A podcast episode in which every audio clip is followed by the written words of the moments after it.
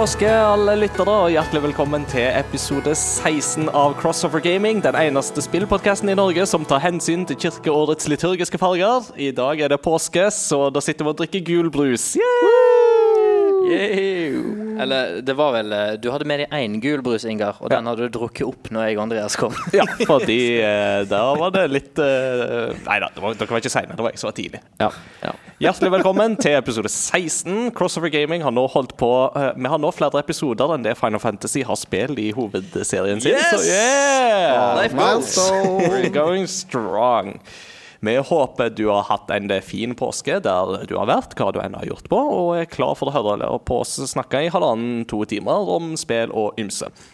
Mitt navn det er Ingar Takanobu Hauge. Med oss i Kristiansand så sitter Mats Jakob Nesmann. ja, og med meg i Oslo så sitter tekniker Kristian Fonland. Yes, også i tillegg, mellom oss her nå i studio i Oslo, så har vi med oss en aldri så liten gjest. Og du kan få lov å presentere deg sjøl.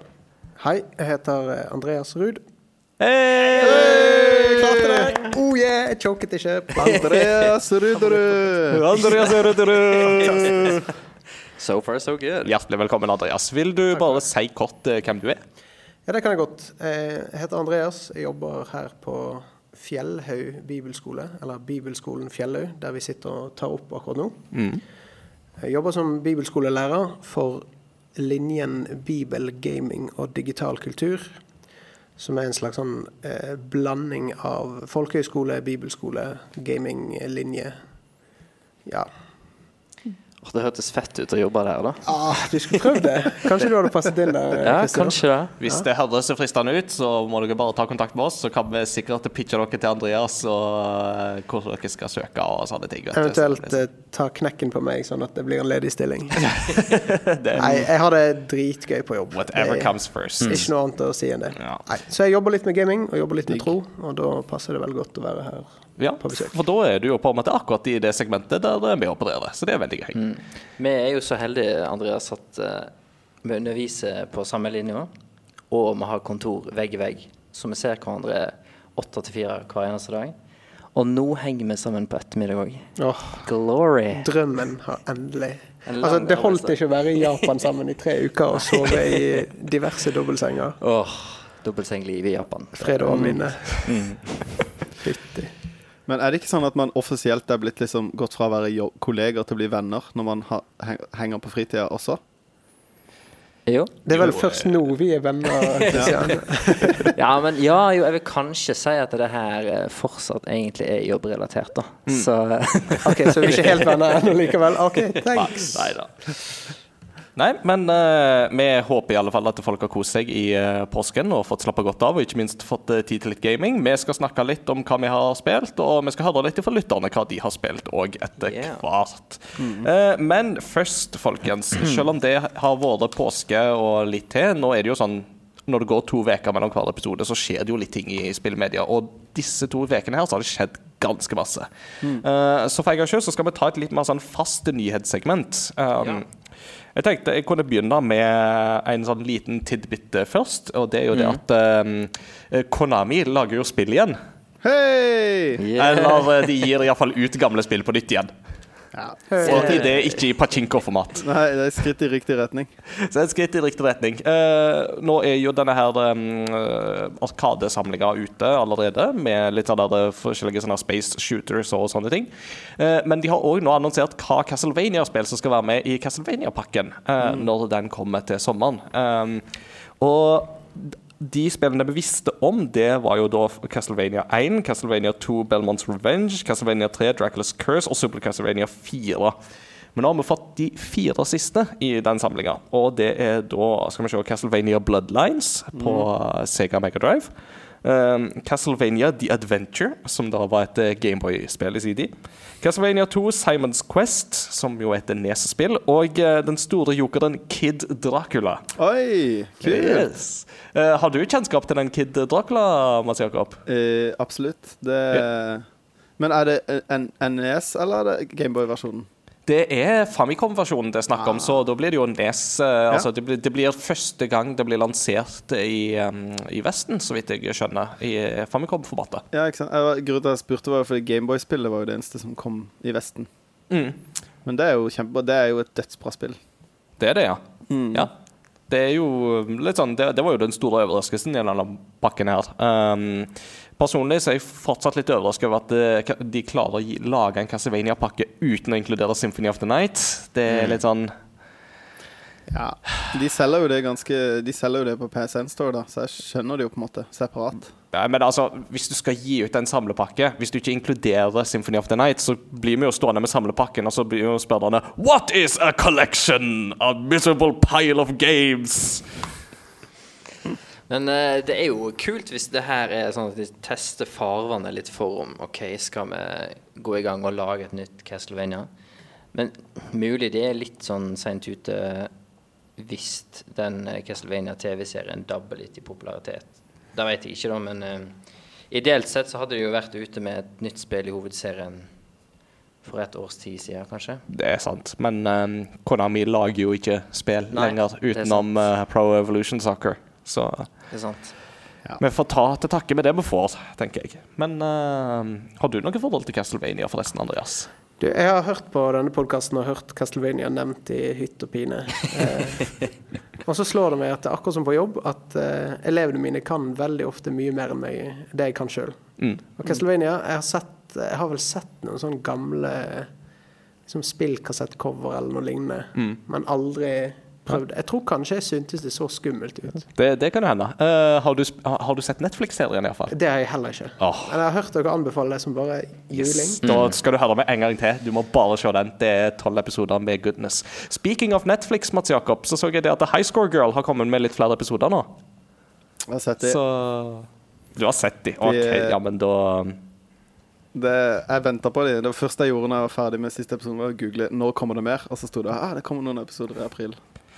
Det er jo masse godt som går der akkurat nå. Vi har jo akkurat lagt bak oss Game of Thrones sesongpremiere og hele pakka, så det er good, good times to be alive.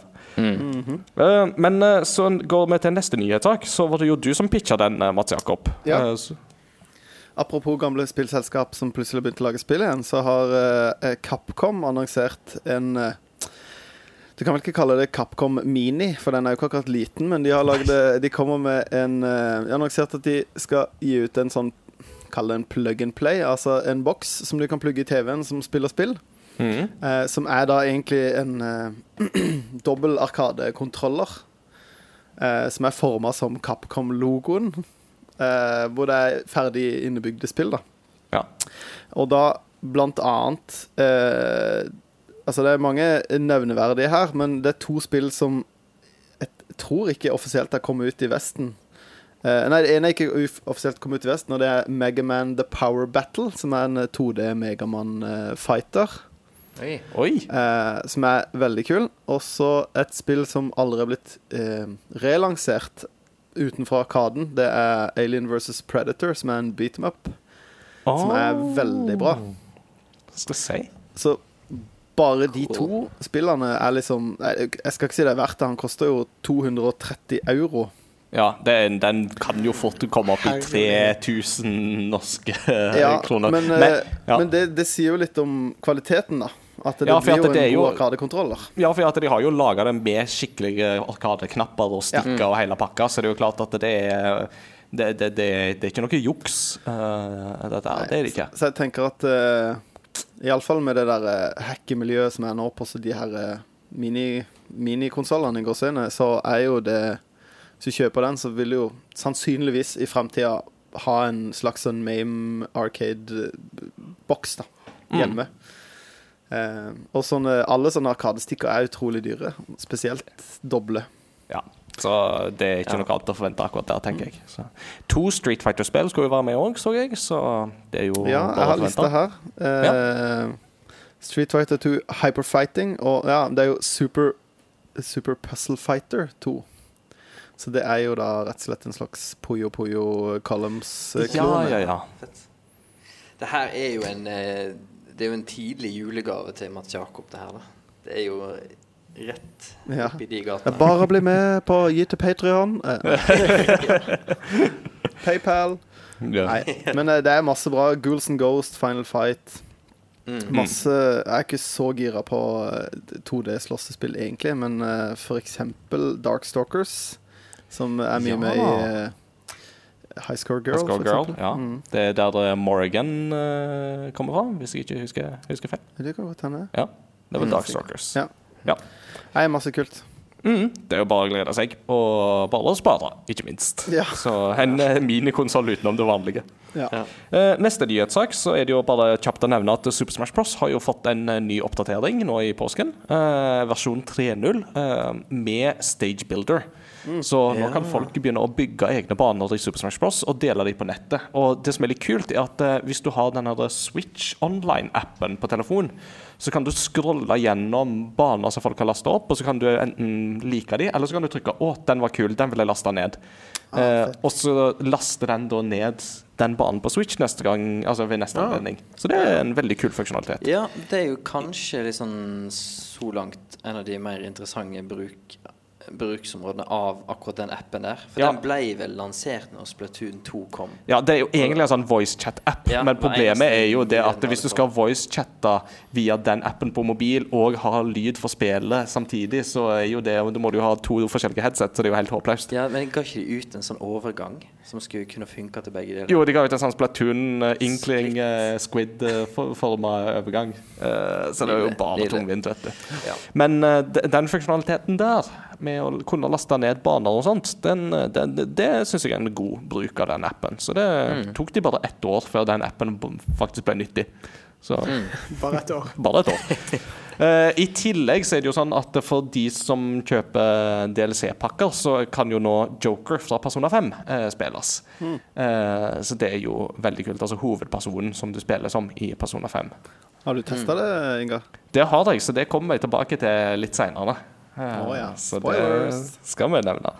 Um, og så har det jo òg vært Star Wars Celebration mens mm. vi har hatt det ferie. Så Da er det jo masse gode, ny, eh, gode nyheter på Star Wars-fronten som kommer. Vi har jo fått Ja. en trailer for episode 9, uh, 'Rise of Skywalker', som jo er en uh, veldig mystisk tittel. Men uh, jeg, jeg syns traileren virker lovende.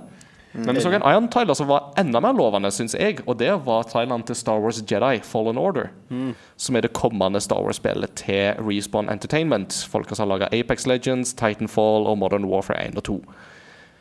Og det er en cinematisk trailer, men uh, fytti, den uh, ga Star Wars-vibes så til de grader. Eh, Andreas nikker. Uh, Ja, jeg har ikke fått sett den ennå, men ja, det- helt siden jeg spilte Jedi Academy, ja. så er det bare Star Wars er dritgøy som dataspill.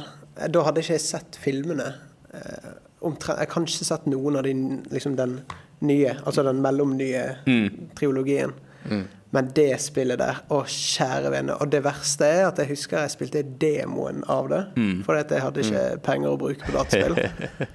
Jeg spilte demoen sikkert 100 ganger. Men hele den Jedi Knight-serien, at den ikke er kanon lenger, det er litt synd. altså, For Kyle Katarn er en for kul rollefigur til ikke å ha med i moderne Star Wars-kanon. Tenk hvis han dukker opp i en eller annen film. det hadde vært gøy. glorious. Men i hvert fall, hvis det kommer da et Star Wars-spill som er skikkelig bra, som har en singleplayer-historie, Ja. da er jeg ja, og det er jo det, ja, det, er jo det denne gangen òg. For at det, det er jo altså EA tweeta på forhånd sånn For the record, dette spillet har ingen online multiplayer, og det har ingen mikrotransaksjoner eller lootboxer. Og det er sånn når EA sjøl må tweete det sånn i forkant, bare for at folk skal bare nyte den traileren til sin fulle, da har til og med EA skjønt at de har et image-problem. ja, Det kan hende at det at de tweetet sånn, at det sier mer om EA enn det sier om spillet, men Det likevel, det at det er Respawn som lager det, Ja. og de spillene de har, og den evnen de har til fortellerteknikk Mm. og å lage gode narrative karakterer Ja.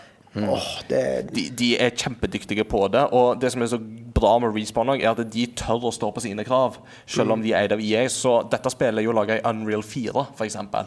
Uh, ikke i uh, Frostbite. Frostbite. Frostbite, ja. uh, og bare det i seg selv er jo en lovende ting. At de får lov å bruke den motoren de sjøl vil. Og den cinematiske traileren den var cinematisk, ja, men alt var liksom in game cinematics likevel. Så det Ja. ligger jo ganske tett opp til hva vi kan In engine. Uh, Ja, in engine. Ja. Mm. Uh, virker veldig lovende. Du spiller jo en uh, for- skal jo spille som en Jedi Padawan som overlever Order 66. Mm. Og blir jo prøver jo veldig å skjule sin identitet, eh, men det går jo på tørke. Og det ser ut som at det er en type inquisitor uh, fra Star Wars Rebels-serien. Så møter vi jo inquisitors, som er litt sånn dark side force users som jakter på Jedis. Eh, litt den rollen som jo Starkiller hadde i Star Wars-spillene Ja, eh, eh, The Force Unleashed riktig. 1 og 2. Eh, Ja. Litt den samme type rollen der, eh, bare at det er i den nye kanoen.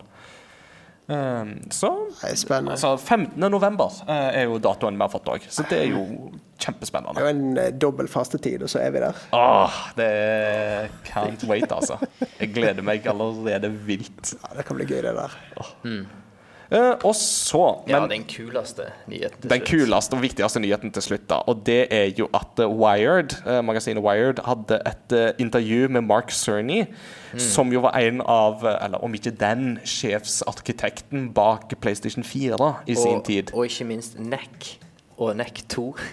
Hva er det for noe? Er det, det er samme Ja, stemmer! NEC-spillene er jo det er han ja, der, ja, ja, ja. Det, er- det er PlayStation eksklusivt. Han har Ja. figuren som uh, Han er vel satt laga som byggeklosser, så kan han liksom bli større. Jeg, jeg kan vise deg et bilde. Ja, du må gjøre Mm. det. Det kommer på Facebook. Det er, jeg tror det er en grunn til at ikke du har lagt merke til det. Det er ganske sånn middelmådig korridorplattformspill. Riktig.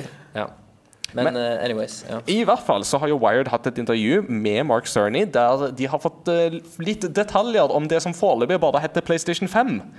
Eh, det vil si at vi vet ikke om den kommer til å hete PlayStation 5 ennå, men for ordens skyld, så, eller bare sånn for, for enkelhets skyld, så kaller vi det for PlayStation 5 enn så lenge.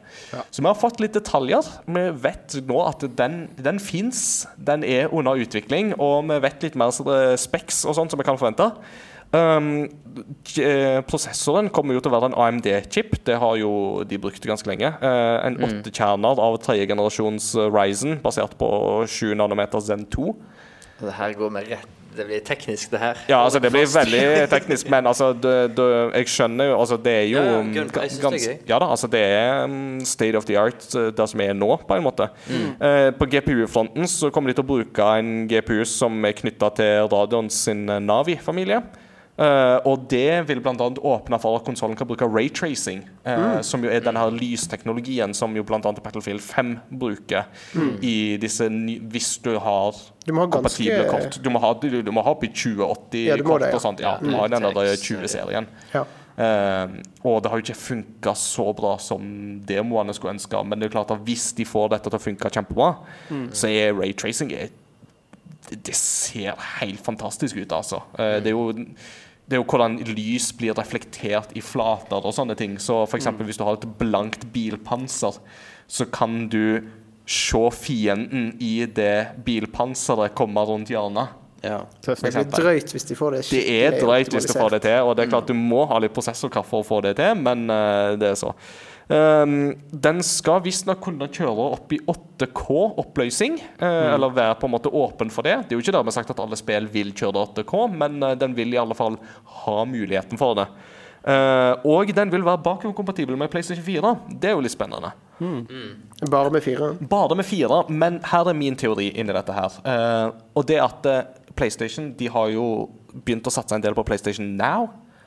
Eh, som jo er denne strømmetjenesten, eh, eh, der du har tilgang på rundt 600 titler for PlayStation 2, PlayStation 3 og PlayStation 4. Mest 2 og 3 og litt, eh, bitte litt 4. Og Min teori er jo da at eh, PlayStation 5 kommer til å være kompatibel med 4, men at man tilbyr et stadig større PlayStation Now-bibliotek eh, med to og tre titler. Kanskje til og med PlayStation 1-titler òg på sikt. Det hadde i alle fall vært veldig gull hvis de hadde gjort det på den måten. Eh, Christian?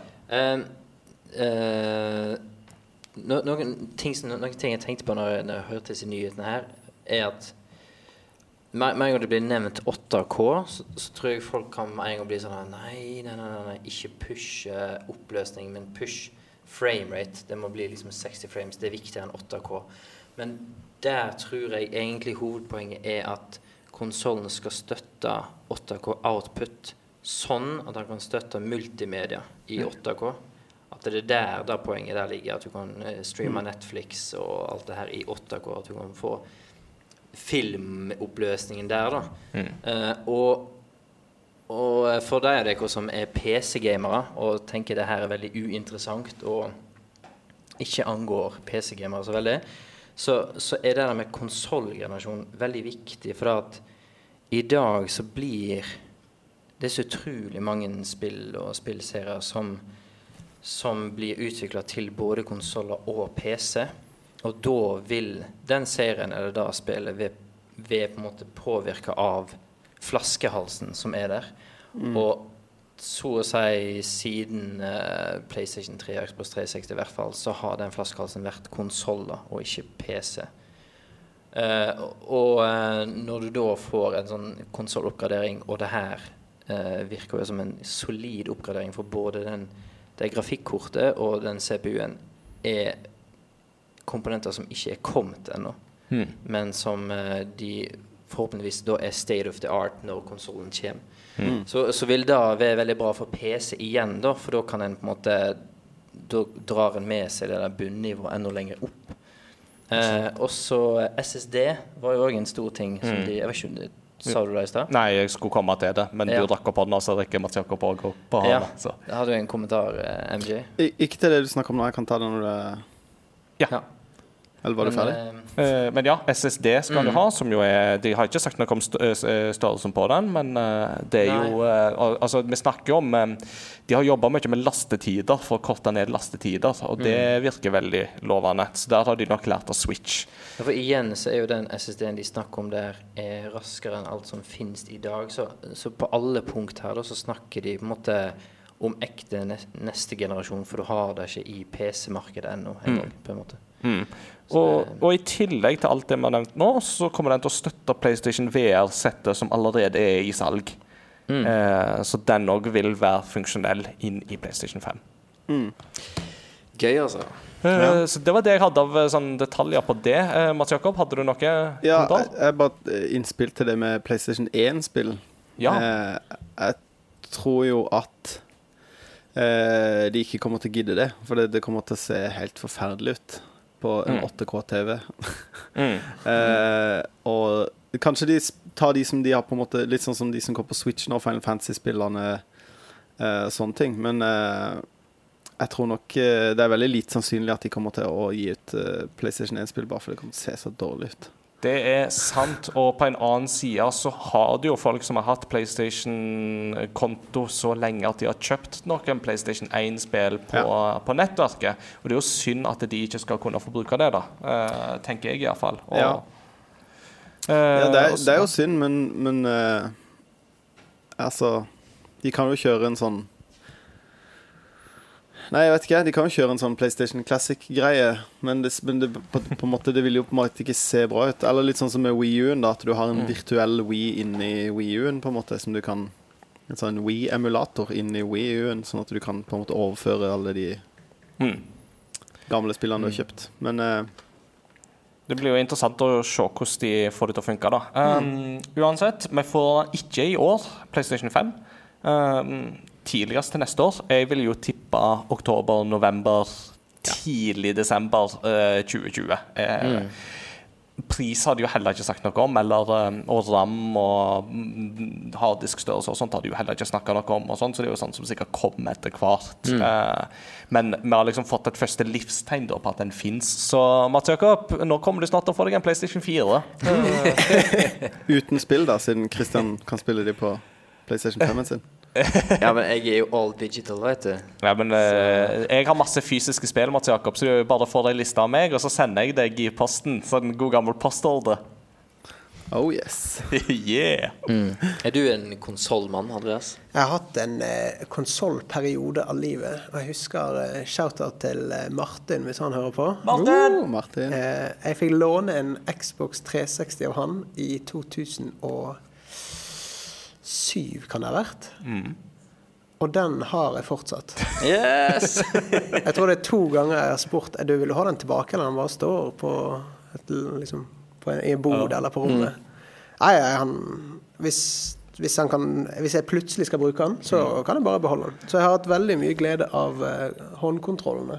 Ja. Så da kan jeg spille to player. Dette er jo da samme Martin som er min forlover. Eh, Riktig. Martin, som må jo nevnes. Eh, Yes. Og kjenner jeg han rett, så er han mer enn eh, nok opptatt med å spille Kantai Collection og World of Warships til å bry seg om eh, 360-en sin. Det er nok mulig, men det var min konsollperiode. Men det var på den tiden jeg bare hadde eh, laptop, og så hadde jeg Ja. 360-en hans.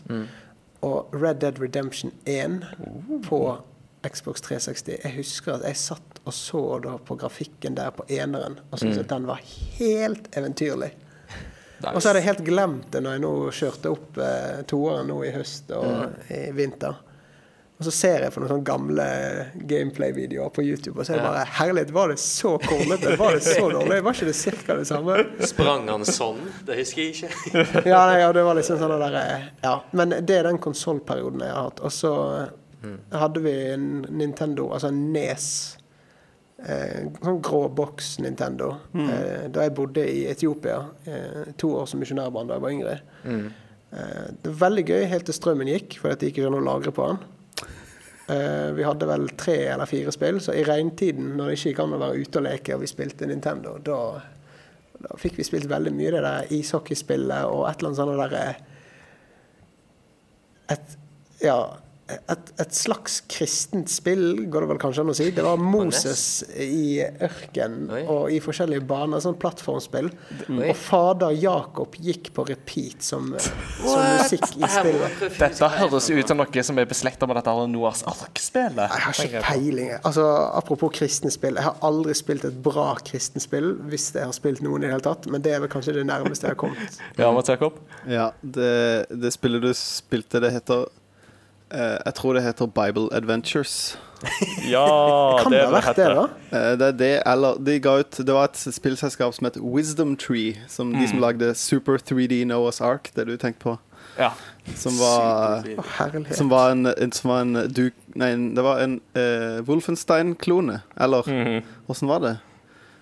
Nei, det er et eller annet med at eh, de fikk source-koden til Wolfenstein fordi de var sure på Nintendo. Og så, ja Det er det eneste ulisensierte spillet på Super Nintendo. Fantastisk. Det, dette er Nå foregriper vi denne kuriositetsspalten. Men, Ja, ja, ja, men i hvert fall det ja. spillet det var, Bonuskuriositet. Og, men uh, og da har vi ikke engang tatt for oss Left Behind-spillene som finnes. og akk og ved Left Behind-dataspillene må, det- må det bare gå i glemmeboken og Ja. ikke være Tvilsom, bra nok for tvilsom teologi skaper enda mer tvilsomme dataspill. skandaløs spillmekanikk og horribel uh, teologi, i den grad det var noe teologi i det hele tatt. Og, Nei, men det, det er min Dere to har jo spilt det der. Det er jo Ja, jeg, jeg har sett det. Jeg har nok ikke spilt det. Det var Ja, etter jeg har nok bare holdt meg til YouTube og sånt der. Og jeg, selv, jeg har ikke brukt penger på det. det, det, Det er liksom Når et spill er så dårlig at du ikke kan lage memes av det, da er det krise. Det er liksom ikke ain't Er det en- that the truth? Det er en egen kategori. Det er Ja, liksom det er dårlig beyond. shit. Kan ikke lage meme av det. Ja, det er sånn det er det. Uspillbart. Ja. Det var i alle fall nyhetssegmentet. En liten siste nyhet til slutt er jo det at akkurat nå eh, Jeg tror til og med mens Altså idet denne episoden kommer ut, så er Assassin's Creed Unity gratis på PC. Ja. Eh, og det skyldes jo den eh, tragiske brannen i Notre-Dame, eh, som jo var nå i påsken. eh, der eh, jo en, hel, en hel verden har jo gått sammen om om, eh, om eh, arbeidet framover med gjenoppbygginga. Mm. Eh, for det har jo en unik kulturell verdi både for europeisk historie, men også for verdenshistorien generelt. Eh, Ja. Så er jo dette bygget ganske unikt. Um, uh, uansett så har jo da Ubisoft, som jo er et fransk spillselskap, har uh, gått ut og sagt at de vil støtte gjenoppbyggingsarbeidet med 500 000 euro. Og i tillegg så er da Assassin's Creed Unity gratis ei uke på PC. Eh, grunnen til at det er Unity, er jo fordi at det foregår under den franske revolusjonen, og den har jo Paris eh, i ganske detaljert eh, format, eh, som jo Assassin's Creed-spillene alltid har, eh, fra den franske revolusjonstida. Og der du òg kan besøke Notre-Dame. Og saken er jo det at eh, digital turisme til Notre-Dame har jo eksplodert den siste veka. Der Assassin's Creed Unity har stått fremst i den bresjen. Så mange folk har liksom besøkt Notre-Dame i Assassin's Creed Unity for å gjenoppleve uh, dette mester, uh, mesterlige byggverket, eller opplever det for første gang òg, for de som aldri på en måte har gjort det. da. Og ironisk nok, fordi Ubisoft har gjort dette, så har spillet fått en positiv review-bomb. Det vil si at folk har nå gitt spillet knallgode anmeldelser på Steam og sånne ting, fordi at eh, nå får de spillet gratis. Eh, så da hadde plutselig sånn Plutselig så hadde jeg bare begynt å gi det spillet masse gode eh, kritikker. Men og er ikke, det, er ikke det liksom det spillet som var helt ødelagt ved Jo, launch? jo, det var jo det spillet som Faceless NPCs og sånn? Jo, jo, Ja. det var jo spillet som mer eller mindre fødte memes. Ja, og, og så var det jo Det var et av de første spillene som Ubisoft gjorde til eh, dagens konsollgenerasjon. Det er riktig. Og da, det som du merker der, er at de, de overvurderte hva PlayStation 4 og Xbox One skulle være for noe.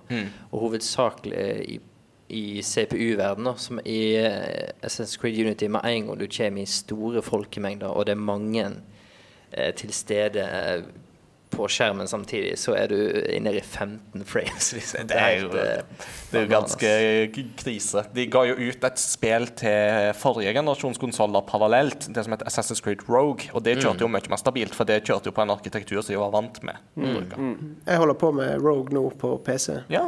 Ja. Eh, Jeg syns det, det har den samme gode, gamle Assassin's Creed-feelingen, på en måte. Og etter det jeg har forstått, så var Unity Ja, det var helt fullstendig katastrofe når det kom, men de har fått patchet det ganske godt. Uh, ja, Jeg tror at Hvis du spiller det nå på PC, så tror jeg du får en grei opplevelse. Ja, jeg er spent. Jeg har snappet opp min gratiskopi, i hvert fall. Så takk, uh, Ubisoft. Mm, Merci beaucoup. Merci. Oi.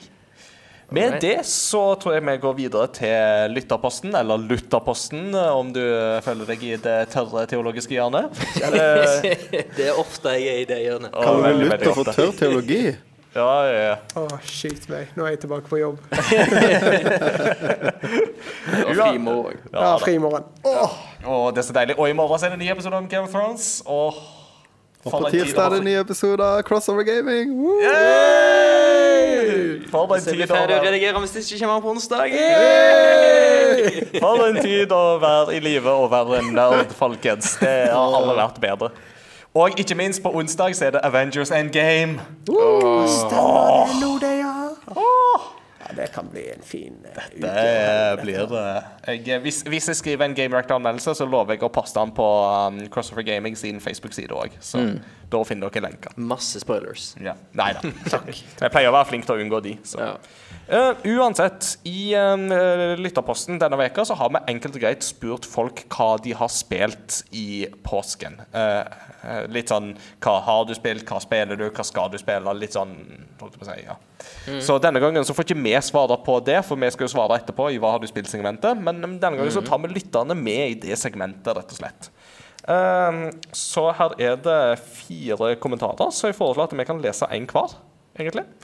Um, så jeg kan jo ta uh, vår uh, alles uh, trofaste uh, har kommentert på absolutt samtlige poster uh, lytter, Åsmund. Uh, han, skri Åsmund. Han skriver Har blitt en del Divinity Original Sin etter at Christian nevnte det i en tidligere episode, ble jeg veldig gira på å plukke det opp igjen. Det er riktig. Vi nevnte jo det i denne her påskekrim-episoden. Eh, Eirik, han skriver Ingen tid til spilling, ingen tid til Game of Thrones. Har 300 sider igjen i Wheel of Time, siste bok, og det skal skje så snart som mulig. Etter det blir det nok Final Fantasy 7 på Switch. Det her skrev han nå for fire dager siden, så jeg håper han har fått tid til litt Ja, vi får på det.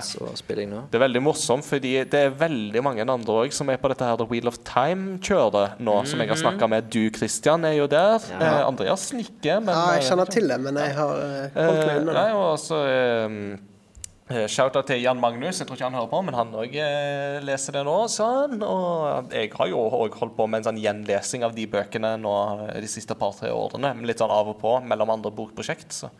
Og det, den TV-serien kommer jo etter hvert, så det, det blir spennende å se etter Game of Thrones om den kan bli liksom neste store. Cool. Yes. Espen Tveit skriver følgende. Det har ikke blitt så mye nytt, men jeg har faktisk spilt litt forskjellig. 1. I dag fullførte jeg Wind Waker på Wii U sammen med eldstemann, snart seks år. Det har vi kost oss skikkelig med. Det er et veldig bra spill.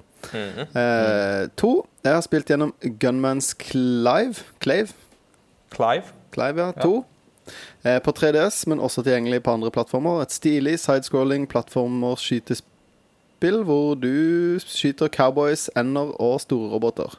Fin grafisk stil og herlig musikk. Nice. Nummer tre, Smash. Det blir naturligvis litt Smash når ny karakter er tilgjengelig. Jeg testa ut Joker, likte han, og fulgte på og fortsette på World of Light. nice. Fire. Eh, jeg jobber meg gjennom Pokémon Picross. Det spillet vil veldig gjerne at du bruker penger på det, men jeg nekter, så det tar litt ekstra tid. Stay true, man.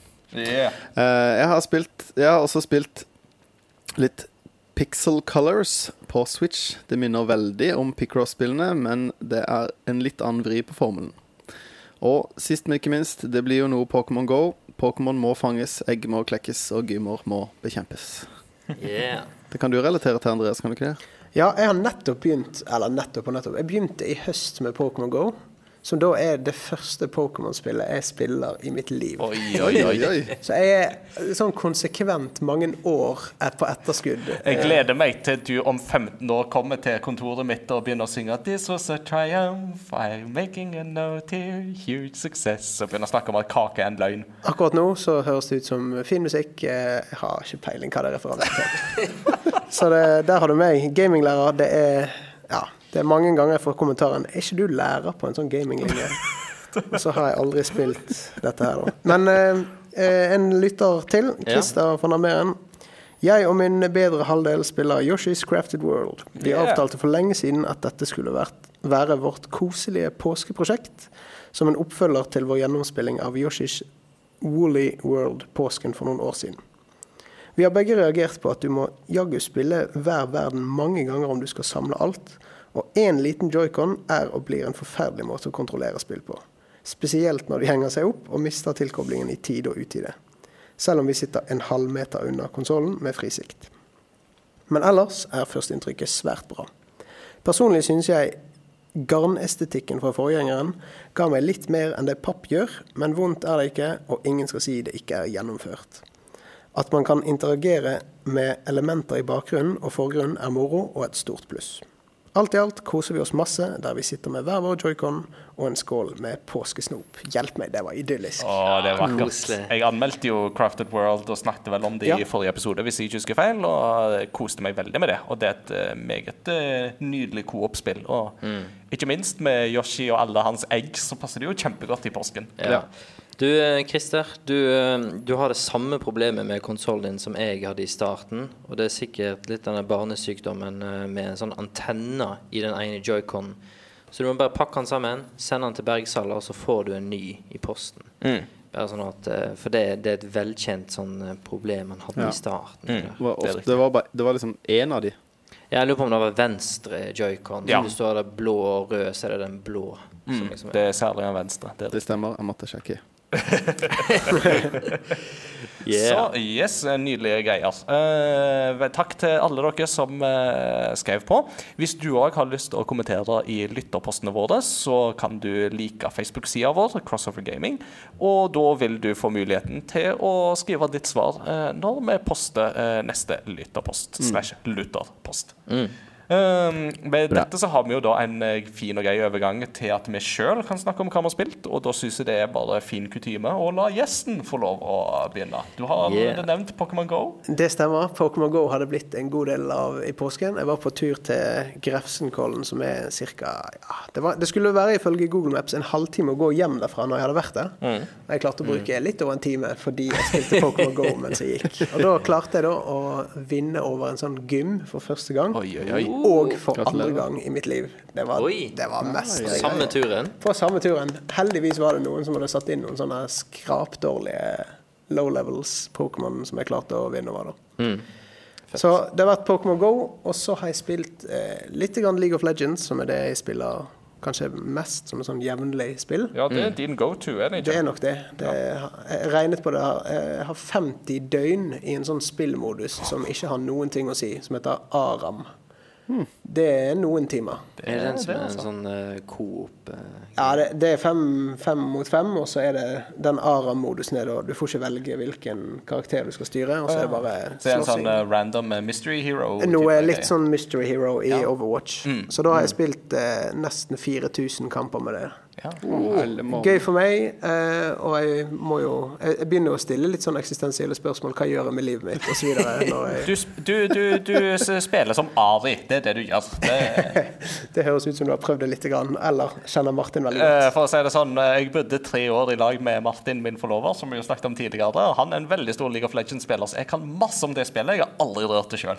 Eh, Det høres ut som du Eller jeg vil gjette at han har Jeg har sett litt på turneringer og fått forklart litt Ja, eh, hva det er- som skal gjøres. og sånt, ting. Og har forstått at Ari er Yes. bra dame, og Timo er forferdelig liten uh, rakker. Martin spiller Ari, og jeg spiller Timo. ja, Så det er gøy. Nei, jeg har spilt League, og så har jeg spilt bitte lite grann Counter-Strike. Ja. Som er Oi. kjempelenge siden jeg spilte, og Det jeg er fantastisk dårlig. Men du verden, jeg har sett så mye på sånn profesjonell e-sport uh, innen Counter-Strike, blant annet. Spiller du Go? Ja, da er det go. Ja. Uh, og da uh, Da var det ganske gøy å spille med noen kompiser som er veldig mye bedre enn meg, men det var en liten sånn Ja, et avbrekk i league-spillingen. Og så har jeg hørt på Crossroad Gaming eh, de fleste episodene, yeah, Yeah! og spillet Gri, eller Gris. Yes, Og yes, det som yes. var kåret til fjorårets beste spill av i hvert fall noen Av, av meg. Av- Eh, av- Mitt personlige Game of the Year fra i fjor. Fy søren. Jeg er halvveis selv, tror jeg, da. Ja. Jeg spilte det sammen med kjæresten min, som ikke har spilt så veldig mye spill i sitt liv. Og det var en nydelig Mm. Det økt tror vi jeg er hadde en der. Altså. perfekt sånn opplevelse å dele. Det Så det var, det, var et, det var et veldig fint spill. Jeg er ikke så veldig sånn plattformspill vanligvis. Nei. Det var nydelig. Og så helt til slutt eh, Civilization 6. Det har jeg også spilt en god del timer av. Og så har jeg funnet en streamer som spiller på den vanskeligste vanskelighetsgraden, og tar en del sånn challenger, challenges. For eksempel, du har bare lov å bygge én by, eller du skal bruke denne sivilisasjonen til å vinne på denne måten. Og han spiller det som et som et helt annet spill enn det jeg er vant med. Så det har vært gøy å både spille det litt og se litt på hans stream og se litt på hans eh, YouTube-videoer og sånn. Tøft. Veldig, ja, et veldig sånn spill som går an å se på en stream mens du spiller. Og det Ja, passer meg godt. kult. Fantastisk. Så det er min spillpåske. Ja. Nice. Good. Mats Jakob, har du lyst til å overta? Ja. Eh, som familiemann, så som vanlig er det ikke masse tid. Så eh, for to dager siden så fikk jeg helt panikk, for jeg hadde ikke rørt et spill siden sist vi hadde podkast. Oi sann. litt sånn påskeinnspurt på jobb og masse besøk og hjemme alene i fire dager og sånn. Men da plukka jeg opp igjen Super Mario Odyssey. For det, jeg klarer ikke å dra fra en by før jeg, før jeg holder på å spy av den byen, eller det kartet. Arena sier by bare fordi jeg holdt på med New Donk City. Ja, jeg tenkte på det. Eh, Musikken der er så rå. ja, det er dødsbra. Men eh, det er jo bare et helt enestående spill, altså. Fy Ja. søren, så gøy det er. Jeg får så Mario 64-vibber hele tida. Det er kjempegøy. Mm. Spillglede er liksom et stikkord. Eh, Ja, det er bare det er så gøy, og det er så fargerikt, og det er så pent, og det er liksom gøy at de har gått litt ut av Det er på en måte ekstremt Mario, og så er det noe av det som ikke er så Mario. Det har liksom litt sånn Jeg får litt sånn Super Mario. Sunshine-vibber. Når det er sånn Det er masse nye creatures eller skapninger som på en måte ikke er, er kanon fra før av, da. Mm. Som har akkurat kommet til en sånn strand, strandverden, hvor det er masse sånn snegler. Så er det sånn der, Det her er jo ikke Ja, Mario, det- men så er det så veldig Mario likevel. Det er jo der Mario springer rundt i badebukser, så du kan se brystvortene til Mario. Og som det jo var så veldig sånn om ja. da spillet kom. Ja, det spillet var så bra at det ble det memes av. Ja. Det, det holdt nivå. Det, det, er ikke, det er ikke skra, skraper ikke bånden. Nei, så jeg spilte det, men eh, jeg, på en måte det, Jeg liker at eh, jeg har det igjen. At ikke jeg på en måte bare suste gjennom det, sånn som eh, flere jeg kjenner gjorde. Eh, meg. ja, ikke sant? For det, det er jo fort gjort å bare tenke For du Sånn som New Donk City, da, så er det 64 sånne måner, stjerner, eh, du må finne. Og så eh, trenger du bare 19 for å komme videre. Mm. Så du kan på en måte bare skrape overflaten på alle banene og så dra videre, og så komme til siste boss, men uh... Ja, altså Jeg, jeg snakka med Mens du er inne på New Donk City og da springer videre, så snakka jeg med en kompis uh, her om dagen som sitter og spiller det her i påsken, han òg. Og så hadde han gjort seg ferdig med den byen. Uh, for vi, vi satt på telefonen og pratet litt om det. Og så sa jeg bare Ja, sant, det der eh, musikkinnslaget var episk. Han bare Hæ? Og da hadde han, liksom, da hadde han reist eh, fra den byen før han fikk liksom det feteste Nei. i nesten hele spillet. Da. Ikke an. Jeg bare, er du gal? Du må springe tilbake. Og så må du ja. Men det finne de bandmedlemmene. Mm. tok noen av dere den måneden hvor du skal kjøre sånn radiobil? Ja. Ja. For der er det jo sånn Der oppdager Der er det sånn global leaderboards. Ja. Og jeg ble jo sittende der i sikkert en time og bare spille det der frustrerende radiobilløpet. Som har altfor dårlig svingradius. Ja. Eller altfor god, alt etter sånn. Plutselig så er det sånn Ja. Men uh, fy søren. Nei, kjempegøy. Altså Typisk Nintendo å slenge inn sånne småting som er bare så utrolig Som bare gjør spilleopplevelsen så mye bedre. da Mm. Ingar, du skulle si noe? Du, jeg bare kom på at vi glemte å ta en uh, lytterpost, fordi at uh, han hadde gjort det på en litt sånn rar måte med å delte det på sin egen vegg. Uh, men Ja. Peter Gjøkjell Ja. har òg fortalt hva han har spilt. um, Du, og siden Christian er så notorisk dårlig på trøndersk, så skal heller jeg gi det et lite forsøk. Det er det vakreste i de gamle episodene når du kjører trøndersk. Reist hjem, så da er det Switch det går i. Takk for lånet av spill, Ingar Takanobu Hauge. Både jeg og onkel Unge koser oss med Super Mario Odyssey, Mario Kart og Pokémon Go. Eh, Pokémon Let's Go er det jo da yeah, i dette tilfellet. Uh, let's Go Eevee. Stas. Nei, han fikk uh, låne litt av eh, meg for han dro, så uh, det er godt å høre at det er suksess. Og eh, Peter, du gir gjerne en tilbakemelding hvem sin dialekt som var best her, om Inga toppa tror det må en trønder til for å avgjøre det. Ja. Så må du prøve neste gang man søker opp, tror jeg. Så ja, vent. så, ja eh, Super Mario Odyssey har Ja. du da spilt. Det har og jeg spilt, med. og så har jeg spilt masse Heroes 3. Ja. Helt Yes. eh, stupid avhengig av Heroes 3 for tida. Det er så gøy. Kjennefølelsen. Satt og, apropos streams, jeg har begynt å sette på en fyr som streamer Heroes 3, som var en av de beste i verden i Heroes 3. Som på en måte dro altså, Jeg visste ikke at det var turneringer i Heroes 3. Altså, hvordan, og kjedelig er ikke det å spille turnering i Heroes 3? Sitte og vente på at de andre Altså, Vi har snakka om hot seat, at det er gøy når man sitter og er litt kompiser. sånn. Det er ikke gøy når du bare sitter og venter på å knuse fienden. Sikkert samme som sjakk. Ja, Det ikke, Ja, kanskje det er det er ikke død tid der, Ja. som er intens. ja, det, ja, det er nok sykt intenst. Men eh, i sjakk så kan du i det minste se på brettet. På Heroes 3 er det jo bare en skjerm. Svart skjerm. Ja, Men jeg har spilt masse det. Og så eh, kommer pølsa Fordi at eh, vår aller kjære Tiger Woods Ja. har jo for første gang Han har jo reist seg fra asken som en føniks. Han har ikke Ja, vunnet en turnering på, siden 2008.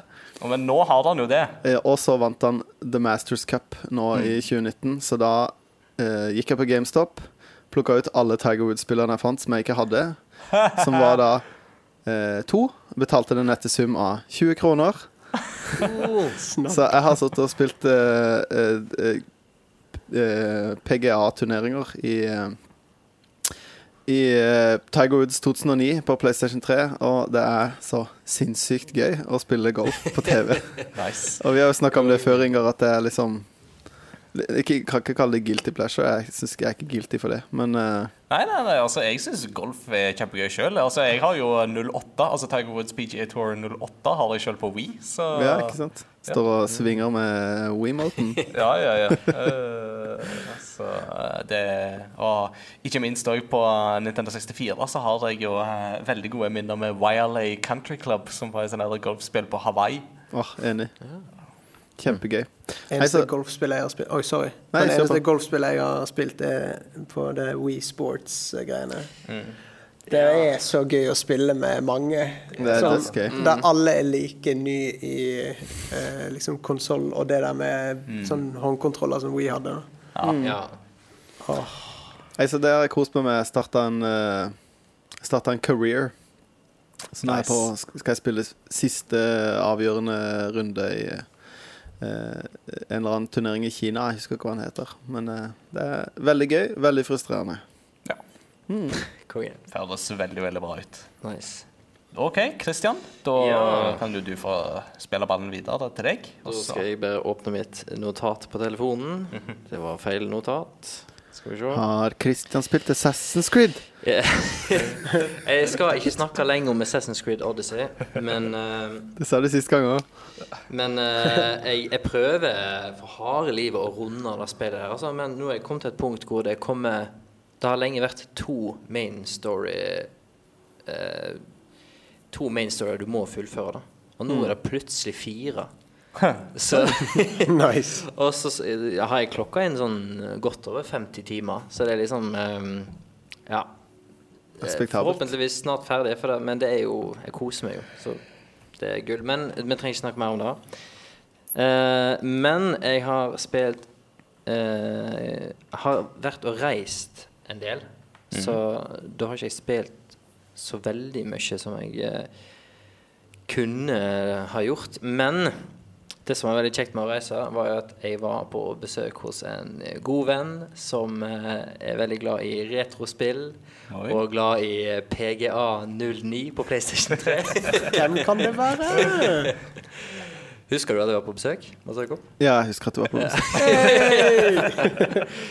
I have not forgotten. Nei, det var veldig kos. Det var veldig spontant, egentlig.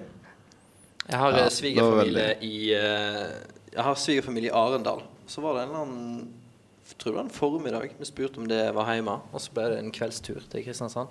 Mm, det var kos. Mm. Hadde vi hatt litt bedre tid, så hadde vi sikkert gama litt uh, et eller annet retro den kvelden. Sannsynligvis. Uh, men ehm, det jeg har spilt når jeg har vært i Oslo, er Sekiro. Ja. Det har jeg eh, tatt et dypdykk ned i. Og det her er litt sånn eh, Hvis jeg skal få lov å skryte litt her, Ja. Så, så er det, det er spesielt én boss. eh, som, han er vel hoved eh, Det er ganske mange minibosser det spiller, men han er vel hovedboss nummer Hvis ikke du går sånn alternative sideveier, sant, så er han hovedboss nummer to. OK.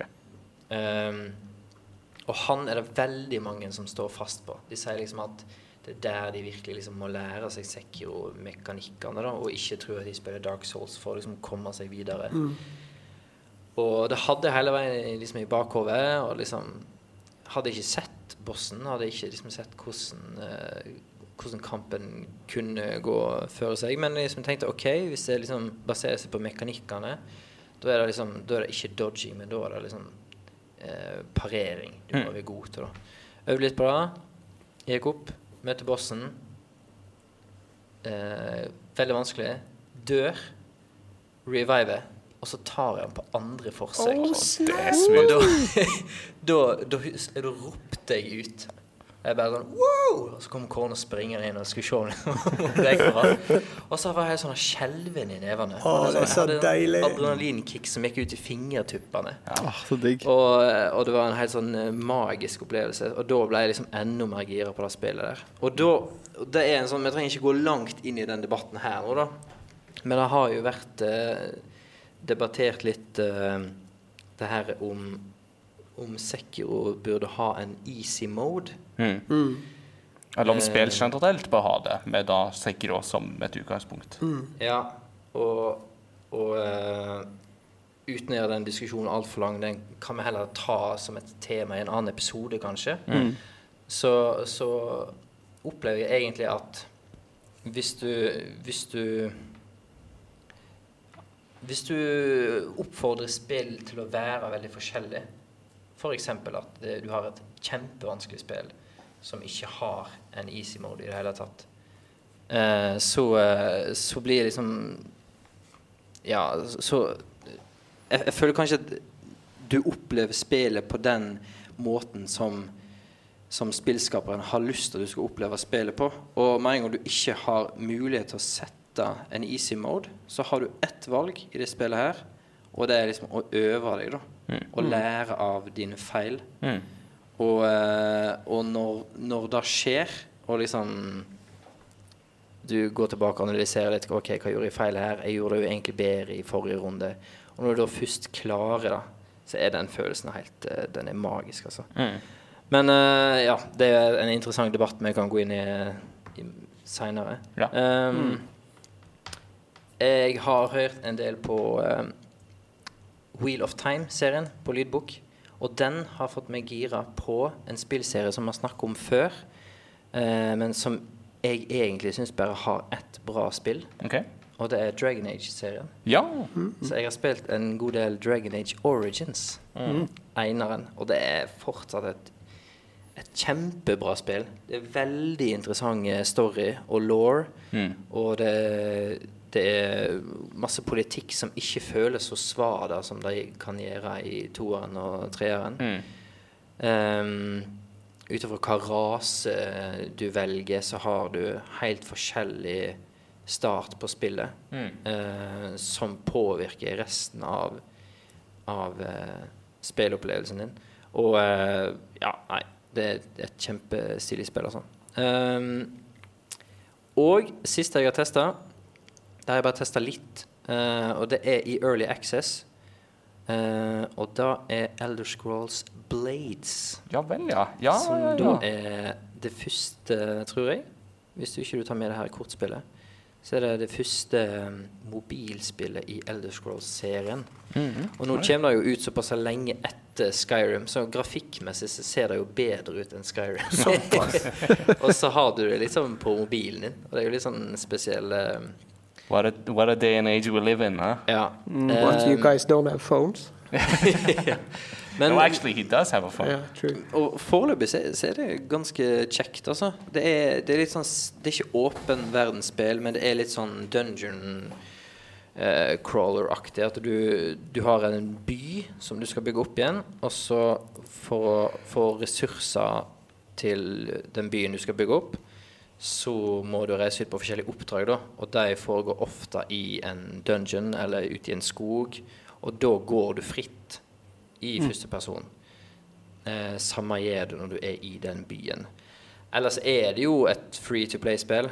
Eh, og kiste får du ganske hyppig eh, og gratis i starten. Og så etter hvert som du går opp i level, så tipper jeg at eh, den paywallen blir høyere og høyere. Eh, men eh, så langt, nå har jeg bare sikkert en tre-fire timer, da, så er det supergøy. Eh. Veldig artig. Kult. Og Det har jo blitt litt sånn sniklansert, det spillet, føler jeg. At det er sånn, plutselig så var det bare sånn Å, nå er du ute. Ja, jeg, la, jeg er sånn- ingen plass at det var kommet ut. Jeg hørte på en annen podkast at, at det var en som nevnte Ja, jeg har spilt det litt, og da sa de ikke tittelen på det engang. Så jeg bare jeg har spilt Elder Scrolls på mobil. Og så bare Kan det være Blades at jeg er ute? Og så sjekker jeg AppStore, og så Koster det penger? Ja, det søren meg tilgjengelig. Nei, det er free to play, da. Ja. Så en må liksom regne med at det er noen sånne bokser og sånt etter hvert som kicker inn og sånt. Så sånn, det, ja, du kan vente åtte timer, men vil du ikke heller betale litt for Ja, men, men, eh, men så langt, da, så kan du få ganske mange timer med kjekk spilling uten å føle at du må bruke penger. mm, Ja. Så greit. Eh, Skulle du si noe som hadde noe med dette her å gjøre eh, direkte? Ja, jeg bare lurte på om eh, Er det mye sånn reklamesnutter som du kan se for å få boosts? Eller Nei, nei, det er ikke den type Nei, free to play. Det er det at du eh, Hvis du får en wood chest, som er den laveste kvaliteten på kista, så tar det fem sekunder til den åpner seg. Ja. Får du silver, så tar det en time. Det er det høyeste jeg har fått. Men får du gold, så tar det sikkert ti timer. Sant? Mm. Og den kan du booste med diamanter. Riktig. ja. Eh, så kan du ta en open now, og så kan du vel òg, når du skal crafte ting, så vil det ta tid. Og når du skal bygge nye bygninger i den byen din, så vil det òg ta tid. Og så det er liksom tid versus diamanter det går Ja, i. Ja, riktig. Ja. Jeg skal bare si at jeg glemte å nevne at eh, eh, jeg har spilt Angry Birds 2, som har kommet ut nå. Det har jeg spilt masse. ja. Det For der, der var vel Der ble free to play i dag, når toeren kom. Uh, Ja, det er jo sikkert en slags free to play-mekanikk i det. Har ikke kommet sånn superlangt. Det er jo bare mer Angry Birds, på en måte. Ja. Men uh, Men jeg tror alle de forrige serien koster penger. ja, Du ja, kjøper de, men det her var gratis. ja, det var Jeg betalte ikke noe for det, nei. Men, uh, Nei. men det, det, det er gøy spill. Kona mi, som er jo mobilspilldronninga, hun var, har jo selvfølgelig runda alt av det forrige. Så har hun ikke turt å begynne å spille det her. Mm. Ja, Andreas? Ja, det var en ting jeg glemte å si apropos Civilization 6. For det, der har det kommet ut en sånn uh, uh, expansion som er til de grader stor. Gathering yeah. Storm. Og det føles nesten som på en måte Civilization 6,5. Mm. Det er mye nye tech og units og civilizations og mye sånn. Og så har du òg plutselig så er naturen òg noe som endrer seg i løpet av Ja, for at det der kan jo klimaendringer og sånt kicke inn, og det er jo litt spennende. Og det kicker så til de grader inn òg, hvis du ikke skrur ned som disaster intensity. Du har en veldig fin havneby, og så fyrer du for mye med kull, og vips, så er halve byen din forsvunnet i at havet har steget. Men har du spilt mange av de tidligere Civilization-spillerne, eller har du liksom plutselig hoppa på Civilization 6? Nei, jeg begynte med Civilization 2 da jeg bodde i Etiopia. Eh, det var fest å spille multiplayer og sånn på de gamle maskinene der ute. Og så har jeg spilt egentlig hvert Civilization-spill opp igjennom. Men jeg er en sånn type som spiller ofte på litt lav vanskelighetsgrad og slapper av mens jeg spiller noe annet. Og hvis jeg spiller sammen med noen andre, så øker vi kanskje vanskelighetsgraden, men da er det oss mot dataen, på en måte. Ja, ikke sant. Ja. Så det er litt den der følelsen av å begynne på et helt svart kart, og så oppdager jeg hvilken verden er dette, og hvor skal jeg bygge byene mine. Og ikke minst, hvor befinner Gandhi seg? Så han kommer til å slappe nukes i hodet på deg. Det er alltid en eller annen slem, slem fredselskende Alltid en eh, fredselskende inder som vil slippe eh, atombomber i hodet på deg. Noe sånn som det, ja. Høres ja. veldig eh, I can relate. Det er vel eh, I Civ 6 er det vel noen andre sivilisasjoner som er hakket verre å møte på. Scythia, f.eks. Å ja, hyggelig at du er der. Å ja, du har plutselig 400 horse archers som bare løper over den lille byen min. May a storm uh, Ja.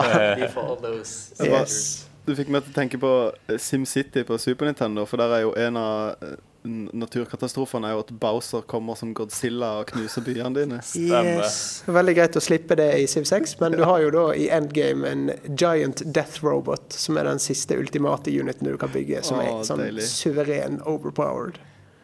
Ja, men uh, mm. Smooth.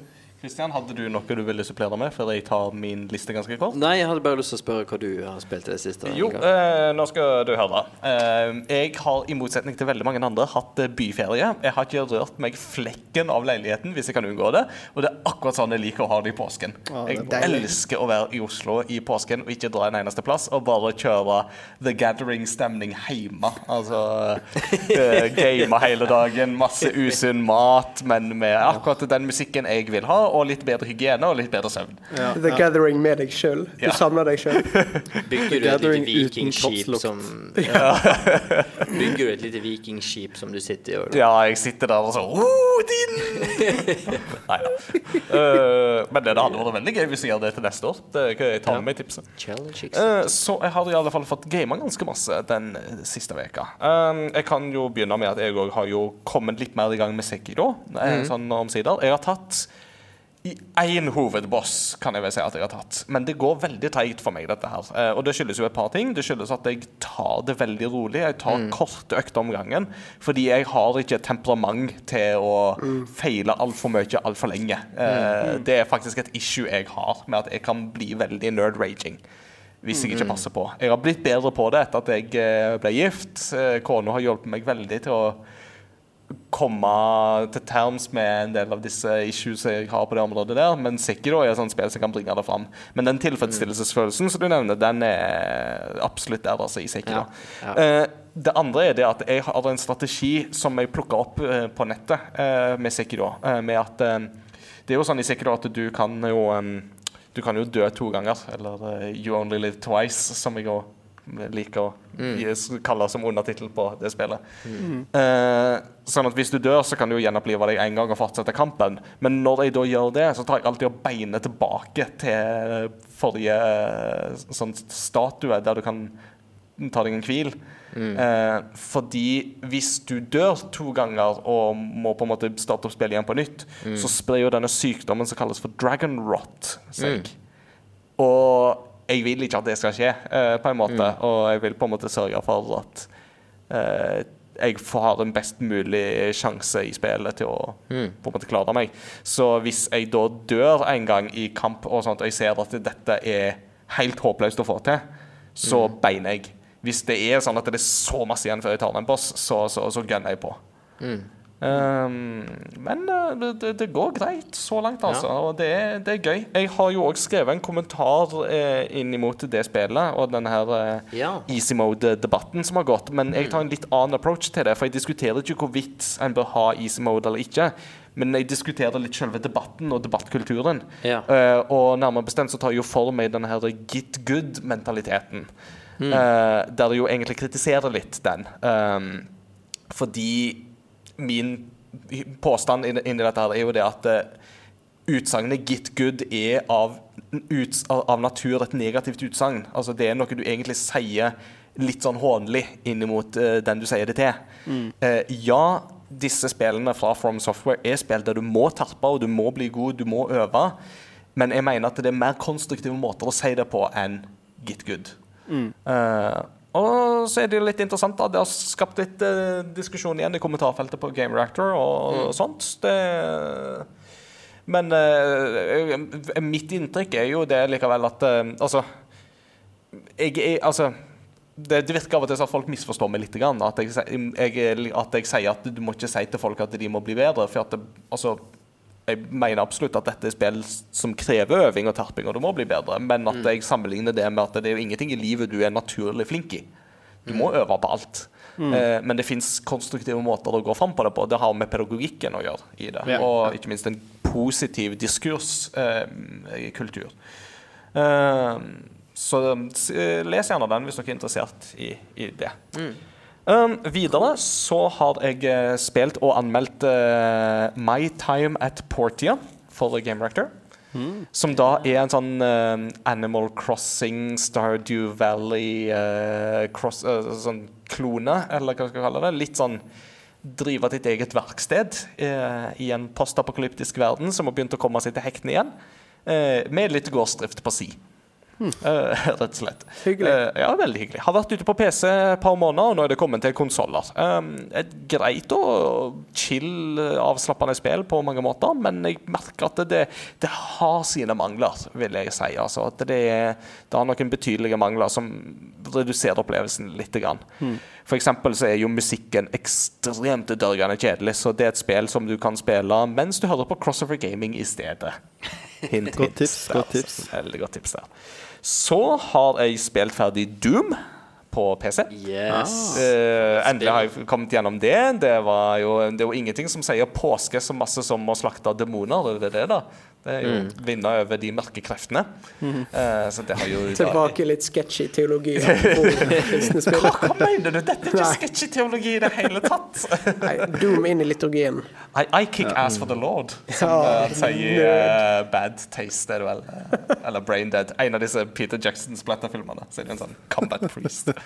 Eh, men jo da, Doom var veldig gøy. det Nå gleder jeg meg til Doom Eternal. Og blir veldig gøy Og soundtracket i det spillet er så fett. Det er så bananas. Det er så er tøft. utrolig kult. Åh, det er bare skriker tøft hele veien gjennom. Altså. Og lyd, altså det er så, hvordan lyddesign og spill henger så godt i sammen der, er mesterlig, altså. Det ligger en veldig kul eh, dokumentar om Jeg lurer på om det er Noclip, eh, disse her eh, australske som har ganske lange, kjempegode eh, dokumentarer om lagingen av ganske mange forskjellige spill. Ofte er dokumentarene oppe i en, en time, halvannen. Og de har en episode som er Det her er YouTube, da. De har en episode som er om Doom. Og da eh, er det jo intervjuet han som har laga musikken, som er en sånn met, skikkelig metal-fyr. da. Og så eh, forteller han liksom om måten han liksom jobba på når han skulle liksom lage det soundtracket her. Og da begynte han med at han fikk tilsendt en sånn her alfaversjon av spillet. Og så satt han liksom i kampene og liksom spilte. Og så satt han liksom med foten eller fingeren og liksom teppa det tempoet han følte når han liksom drev og slakta demoner. Og så bare der, der det føles riktig. Ja. Og så hadde han fått noen sånne bestillinger på hva de absolutt ikke ville ha, da. Disse her uh, id Software. Og så uh, satt han hver gang, og så ble det jo dritfett. Det er kjempekult, altså. Det er varmt anbefalt der. Eh, og litt sånn throwback til de der gamle eh, id-spillene òg. Sånn type sånn Quake og Doom og liksom den gamle skolen. Og det er litt av de vibbene der altså, er der fortsatt. Ja, det, det er liksom det er perfekt mengde sjølironi Ja. i det spillet. At Helt de, de, de skjønner liksom at ja, noe av det her er jalla, men, Mm. men det, det er bare Det er fett, og det er gøy. Men altså, bare åpningen i det spillet tenker jeg bare understreker jo det. ikke sant? Altså, Du våkner jo opp, og det, liksom alt er blitt katastrofe, og så kommer det jo på denne skjermen bare sånn Hello, my name is Dr. Samuel Holsney. I believe we can come to a mutual understanding. Og så bare tar du og kjører knyttneven i den skjermen, plukker opp shotgunen, klikk, klakk, og så går du og bare Ja, og, pælmer løs. og det må jo nevnes at når du får den shotgun, og denne klikket, det skjer jo i takt med Ja, musikken. og det er så fett. Ju-ju-ju, ju-ju-ju, ku-ku. Det er så fett. Det er gjennomført, da. Det er veldig gjennomført. Eh, så det var, jeg hadde det gøy med det, altså. Absolutt. Um, så har jeg spilt et par andre ting som jeg må nevne litt kjapt. Jeg har spilt litt eh, Overwatch, for det har jo en event akkurat nå. eh, Ja. Med en ny historie-PVE-modus. Ja. Eh, som de pleier å ha på våren, så har de jo ofte hatt det. Altså De har hatt eh, Uprising og så har de hatt Retribution tidligere. Og Nå har de en som heter Storm Rising. Mm. der du følger Nå må jeg se om jeg husker rett Tracer, Winston, Genji og Mercy på et oppdrag i Havanna, Cuba. Som skal komme som et kart uh, ved en senere anledning. Veldig gøy. Ja, uh, jeg koser meg med de der. Det er jo det nærmeste vi kommer en story mode i disse spillene. Eller i det Overwatch. Så eh, det er gøy å være på det igjen. Og så har jeg spilt Super Smash Brothers Ultimate. Det spilte jeg faktisk før jeg kom hit i dag, litt for å teste Yeah. Joker og den nye, persona, den nye personabanen Mementos. Eh, og det er veldig veldig gøy. Eh, det må jeg si. Altså Som Persona 5-entusiast til de grader, så er det veldig gøy å ha ha det med. Og det som jo er sånn ekstra gull inni dette her, er jo ulten til Joker. Fordi den ulten du bruker, har da akkurat den samme animasjonen, akkurat samme oppsettet som når du ulter i Persona 5. Eh, som er rett og slett at hele skjermen blir rød, og så ser du bare masse svarte silhuetter som hopper opp. Og så hopper de inn i ei mølje og bare Sånn all out. Ja, og så, og så hopper Joker ut til slutt, retter litt på hansken sin, og så ser du bare sånn splatt i bakgrunnen. Kult. Kong, altså. De Så har det, gjennomført det er veldig gjennomført. Og når du vinner som Joker òg, så er det den samme liksom, animasjonen som når du vinner kamper i Persona 5. Så Ja. veldig kult. Og musikkutvalget, veldig kult. Eh, kunne alltids hatt litt mer. Det er bare 11 tracks, så det er litt lite. Men det som er litt kult, er at eh, fargetemaet i, på denne banen skifter ut ifra hva musikk som er i bakgrunnen. Så Hvis det er Persona 5-musikk, så er det røde toner. Hvis det er Persona 4, så er det gule toner. Hvis det er Persona 5, så er det, nei, Persona 3, så er det blå toner. Kult. Eh, så det er veldig, veldig stilig. Uh, og så helt til slutt så må jeg også nevne at jeg har begynt på Devil May Cry HD Collection. Det så jeg her Ja, dagen. for eh, jeg eh, har jo vel, fått veldig lyst til å spille Devil May Cry 5, men jeg har jo faktisk ikke rørt Devil May Cry-serien eh, før. Eh, annet enn at jeg har spilt eh, som Dante i eh, Project Cross Zone, som er et sånt crossover-spill. Eh, Så jeg har funnet ut at det har jeg lyst til. Eh, så jeg kjøpte Devil May Cry HD Collection og spilte gjennom Devil May Cry 1 og Devil May Cry 2. På, Det har jeg gjort siden onsdag, tror jeg. Så det har gått ganske kjapt der. Uh, veldig gøy så langt. Jeg skjønner hvorfor folk ikke liker Devil May Cry 2, men uh, sånn gameplay-messig så er det jo litt lettere å håndtere enn uh, enn Devil May Cry 1. Og det er jo her jeg må nevne Andreas, at bad guyen i Devil May Cry 2 han heter Arius. Å, det er fantastisk. Så for oss eh, med litt sånn teologi, eh, utdannelse i bagasjen, så er jo det å banke livskiten ut av Arius er jo helt gull. Det er jo For de, som, ja. eh, for de som ikke vet det, eh, de få, så er Arius da en av de tidlige vranglærerne i oldkirken i kirkehistorien. Mm. De av oss som har tatt kirkehistorie som fag, lærer da tidlig at han var en av de første bad guys. Som ifølge tradisjonen visstnok var en veldig vakker mann som snakket veldig sympatisk, men så Han, han, han blekansikt talte med to tunger. det var en liten sånn plot twist i uh, virkeligheten der, at uh, plutselig var han sympatiske fyren en skikkelig bad guy. Ja. Så det er mm, gøy så langt, i alle fall. Og gleder meg til å begynne på Devil May Cry 3. Og så skal jeg da ta Devil May Cry 4 òg, og se om jeg kan få tak i The Animated Series på et tidspunkt og se den. Og så da til slutt kjøre på med Devil May Cry 5. Skikkelig uh, maraton der, altså. Ja, så spillpåske, det er magisk. I tillegg så har jeg lest Wheel of Time og sett film. Og jeg må jo kjapt nevne at uh, onsdag ettermiddag Kona hadde reist vekk, hun skulle overnatte hos ei venninne. Så jeg hadde liksom kvelden for meg sjøl satte meg ned, laga middag, skulle se sesongfinalen av Punisher sesong 2. Kom til opening credits, og så pju, Så røyk TV-en. Nei! Og det tre timer før alle butikker stenger og masse røde dager på rekke og rad. Oh, så jeg beina til Elkjøp og bare sa Hei, jeg må ha ny TV. Hva har du?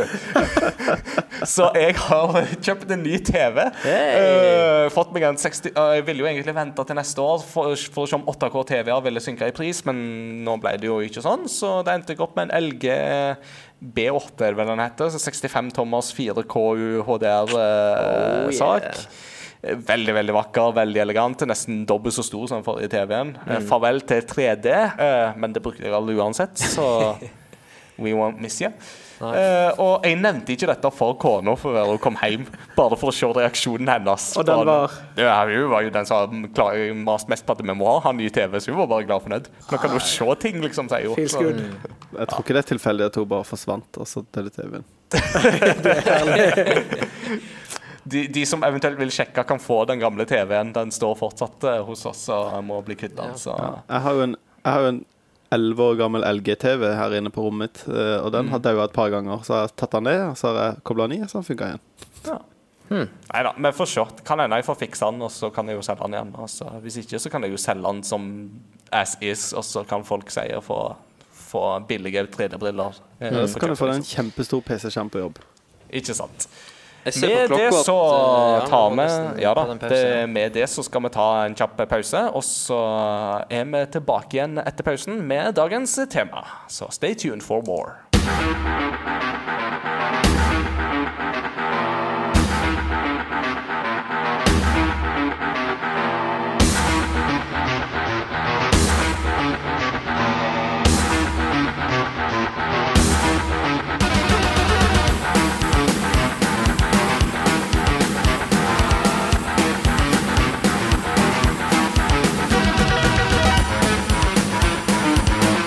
Har vi kommet tilbake fra pause.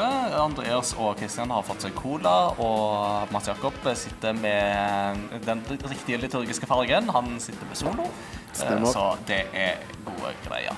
Det, vi har jo akkurat lagt bak oss påske, eh, og påske er jo på mange måter eh, høytiden over alle høytider innenfor kristen tradisjon. Og i den forbindelse så tenkte vi jo å gå litt over på en måte i det segmentet av uh, vår podkast. Vi, har vi er jo en podkast som har et, et, et, et ståsted og noen bein inn i det kristne utgangspunktet. Uh, og i den forbindelse så har vi jo invitert deg, Andreas, uh, for litt chatter. Å si sånn. Eh, og jeg tenkte det at I dag så vil jeg spille ballen litt over til Christian, din kollega. eh, Og liksom la han eh, lede gangen her for, for å snakke litt om dette med kristen identitet i gamingkultur. Eh, og på nett. Yeah. Uh, ja, som du sa, Ingar, uh, så har, har vi lenge tenkt at uh, vi har lyst til å prate litt mer om om eh, akkurat som du nevnte, Inger, det her med en kristen identitet i spillverden, og da kanskje spesielt inn imot um, ja, online-delen, kanskje, av spillverden. Eh, og da uh, er det en gjest som jeg har lenge tenkt at er Innenfor det veldig spesifikke temaet her, så er han en, en bauta. Han er mm, hjernen bak eh, den eneste bibelskole Altså den eneste bibelskolelinja som er med gaming. Ble, ble det riktig beskrivelse? Ja. Uh, Andy. Andreas. Andy. Um, kanskje vi skal liksom starte litt sånn kronologisk her, da. Bli litt bedre kjent med deg for de lytterne som ikke veit hvem du er ennå. Um, født og oppvokst i Det er Bergen by eh, aller det mest. Det er Nesttun utenfor Bergen, ja. Ja, ja. Utenfor Bergen. Nei, det er i Bergen, men det er sør for sentrum. da. Bybanen går til Nesttun. så da Bybanen er det- går til Nesttun. og Bybanen går til videre. Flesland òg. Ja. Jeg vokste opp der, da. Og, Ja. og det var på en måte der gaming-delen av meg, og den kristne delen av meg, eh, hadde sin spede begynnelse. Og da husker jeg at gamingmessig så var min mor veldig sånn at vi skal ikke ha de der datamaskinene i hus, fordi at min far hadde vært på et familiebesøk en gang, og da var det helt krise. Da satt han bare foran den eh, PC-en som de hadde, og da fant hun ut vi skal aldri ha sånn PC eller sånn datamaskin i hus. Så den eneste muligheten jeg hadde for å eh, spille, det var å stikke til naboer og venner. Og da var det veldig ofte de som spilte, og jeg som så på. Eh, Men det var noe av det gøyeste jeg visste om. Og så, etter hvert, når jeg var ferdig på barneskolen, så hadde Da hadde mine foreldre snakket med oss barna om det først, om, om vi kunne tenke oss å bo noen år i Afrika. Ja. Og jeg kikket veldig på det. Det hørtes utrolig kult ut. Jeg hadde hørt mye om Afrika. Sånn, sånn misjonsromantikk, basically, når jeg hadde vært på barneleir da jeg var liten. Hørt masse om Misjonsmarken og misjonsland og kunne mange navn på rare byer i Kenya og sånn. Og så skulle vi plutselig reise til Afrika, da. Og der fortsatte Og da, da reiste vi ut som misjonærer. Altså mine foreldre som misjonærer og meg og mine søsken som misjonærbarn.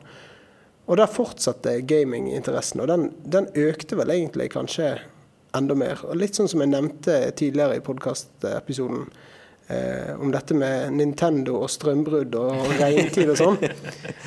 Det regner mye i Bergen, men i, i Etiopia der vi bodde, så regner det enda mer. Men der kommer all regn, alt regnet på et halvt år. ja. Og da er det ypperlig å ha noe å spille på. Og da igjen så hadde jeg en veldig god kamerat i, i klassen. Shout-out til danske Philip. Philip. Philip. ja, nettopp. Philip. Han hadde PC, og gjett om vi spilte Red Alert 2 opp og ned og Yes. fram og tilbake. Eh, og så var det var en sånn herlig tilværelse med både masse gøy, både på data og ellers. Eh, og så alle som jeg kjente omtrent, var misjonærbarn. Alle de nordiske barna, i hvert fall. Eh, og da ble det en sånn Selvfølgelig holder vi på med dette som en hobby. Og selvfølgelig er troen en del av, eh, av hverdagen. Eh, og så når jeg kom hjem til Norge da som 15-åring, da hadde jeg bare bodd der to år, men blitt veldig sånn kulturskadet av å bo i Etiopia, da, der vi var. Så fikk jeg kjøpt min egen PC for pengene til konfirmasjonen ja, da var det greit for mor. Ja, da var det på en måte Da fikk jeg lov til det. Hun hadde skjønt at jeg hadde hatt lyst på dette så mange år, og Ja. nå, nå, var det, nå var jeg 15, nå var det greit. Og så måtte jeg jo ha mulighet til å kunne jobbe med skolearbeid og holde kontakt med folk i Etiopia. det var unnskyldning. Ja, det er deilige unnskyldninger, altså.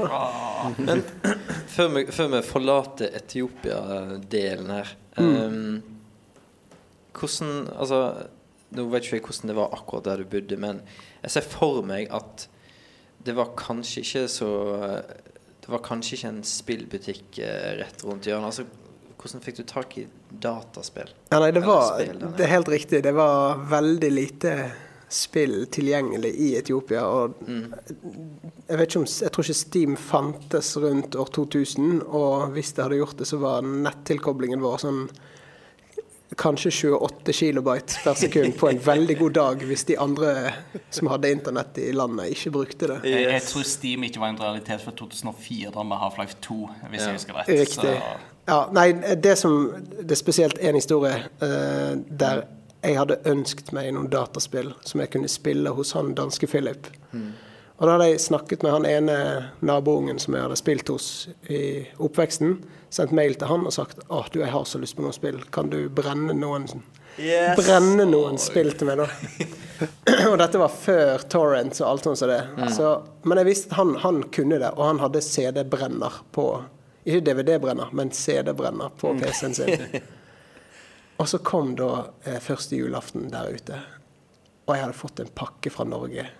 Og inn, det var fra han eh, kompisen min, da. Og inni den så var det en, en, en julegavepapir innpakket CD. Og jeg bare Yes! Og jeg gikk i en måned og ventet på å åpne den, for jeg skulle ikke åpne før julaften. Gikk og gledet meg og tenkte liksom Å, det er sikkert Delta Force. Eller det er sikkert det, eller det er sikkert Å, kanskje det er Fifa 99, liksom. Og så kommer julaften om morgenen, og jeg åpner den, og jeg bare Å, jeg gleder meg! Og så ser jeg liksom Hæ? Det er jo ikke en brent Det er jo et blått cover. Hva er dette? Å, kanskje det er et originalspill, liksom? Og så åpner jeg hele pakken, og så er det da Frelsesarmeen sitt album 'Perleporten'.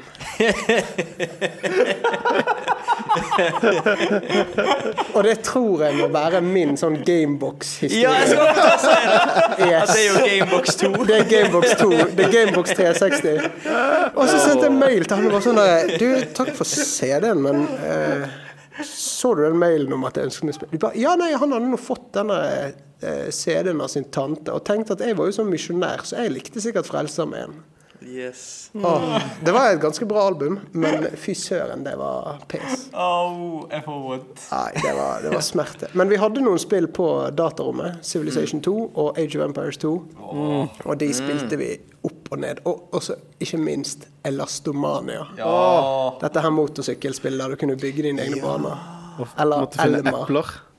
Ja, epler. Og de der lydene når du liksom bevegde deg litt på den der motorsykkelen. Sånn knirkelyder.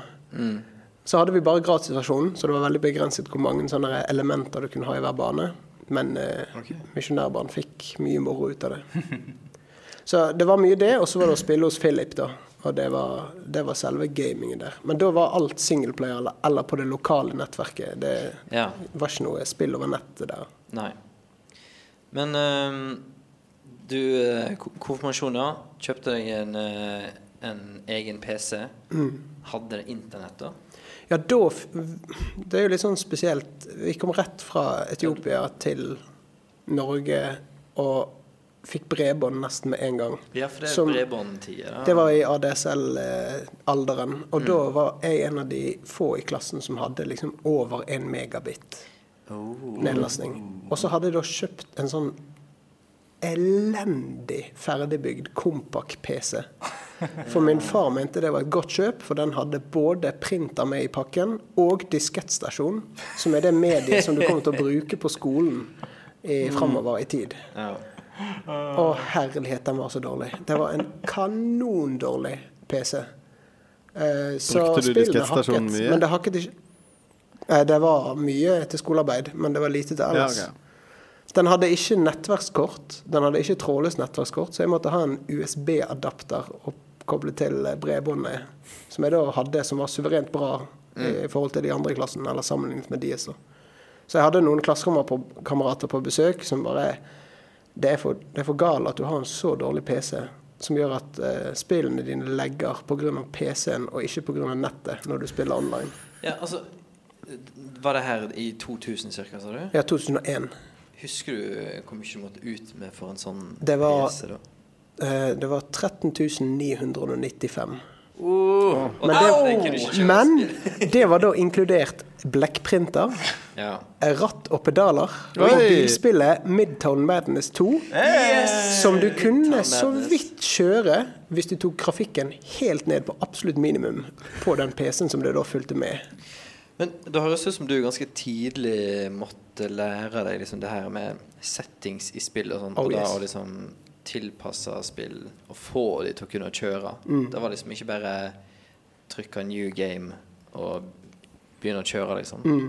Du måtte liksom rote litt i Lærte du det sjøl, eller hadde du liksom noen mentor? men spillmentorer? Jeg hadde vel noen i nabolaget av disse vennene som jeg hadde spilt hos før, som jeg visste kunne en del om PC, som hjalp meg ganske mye. Og så var det en annen ting i tillegg til akkurat spillingen, eh, som da på en måte handla om den digitale kulturen, da. Mm. Som òg hjalp meg litt i gang med både spilling og ellers andre ting som jeg kunne bruke PC-en til. Eh, og da husker jeg et, et blad som fantes før, som het Ungdom og Tiden. Ja, ja. Du har vel vært borti det, Ingar? ja da. eh, som Misjonssambandet, NLM, ga ut. Eh, som nå er gått over til å bli nettsiden itro.no. Shout-out til de. Eh, de Vi er ikke sponsa, forresten. ikke sponset. Ikke sponset. Eh, men de hadde en artikkel i dette her bladet som jeg leste mens jeg bodde i Etiopia, om en kristen chattekanal som het eh, Kristen. Eller hashtag, eller firkantkristen.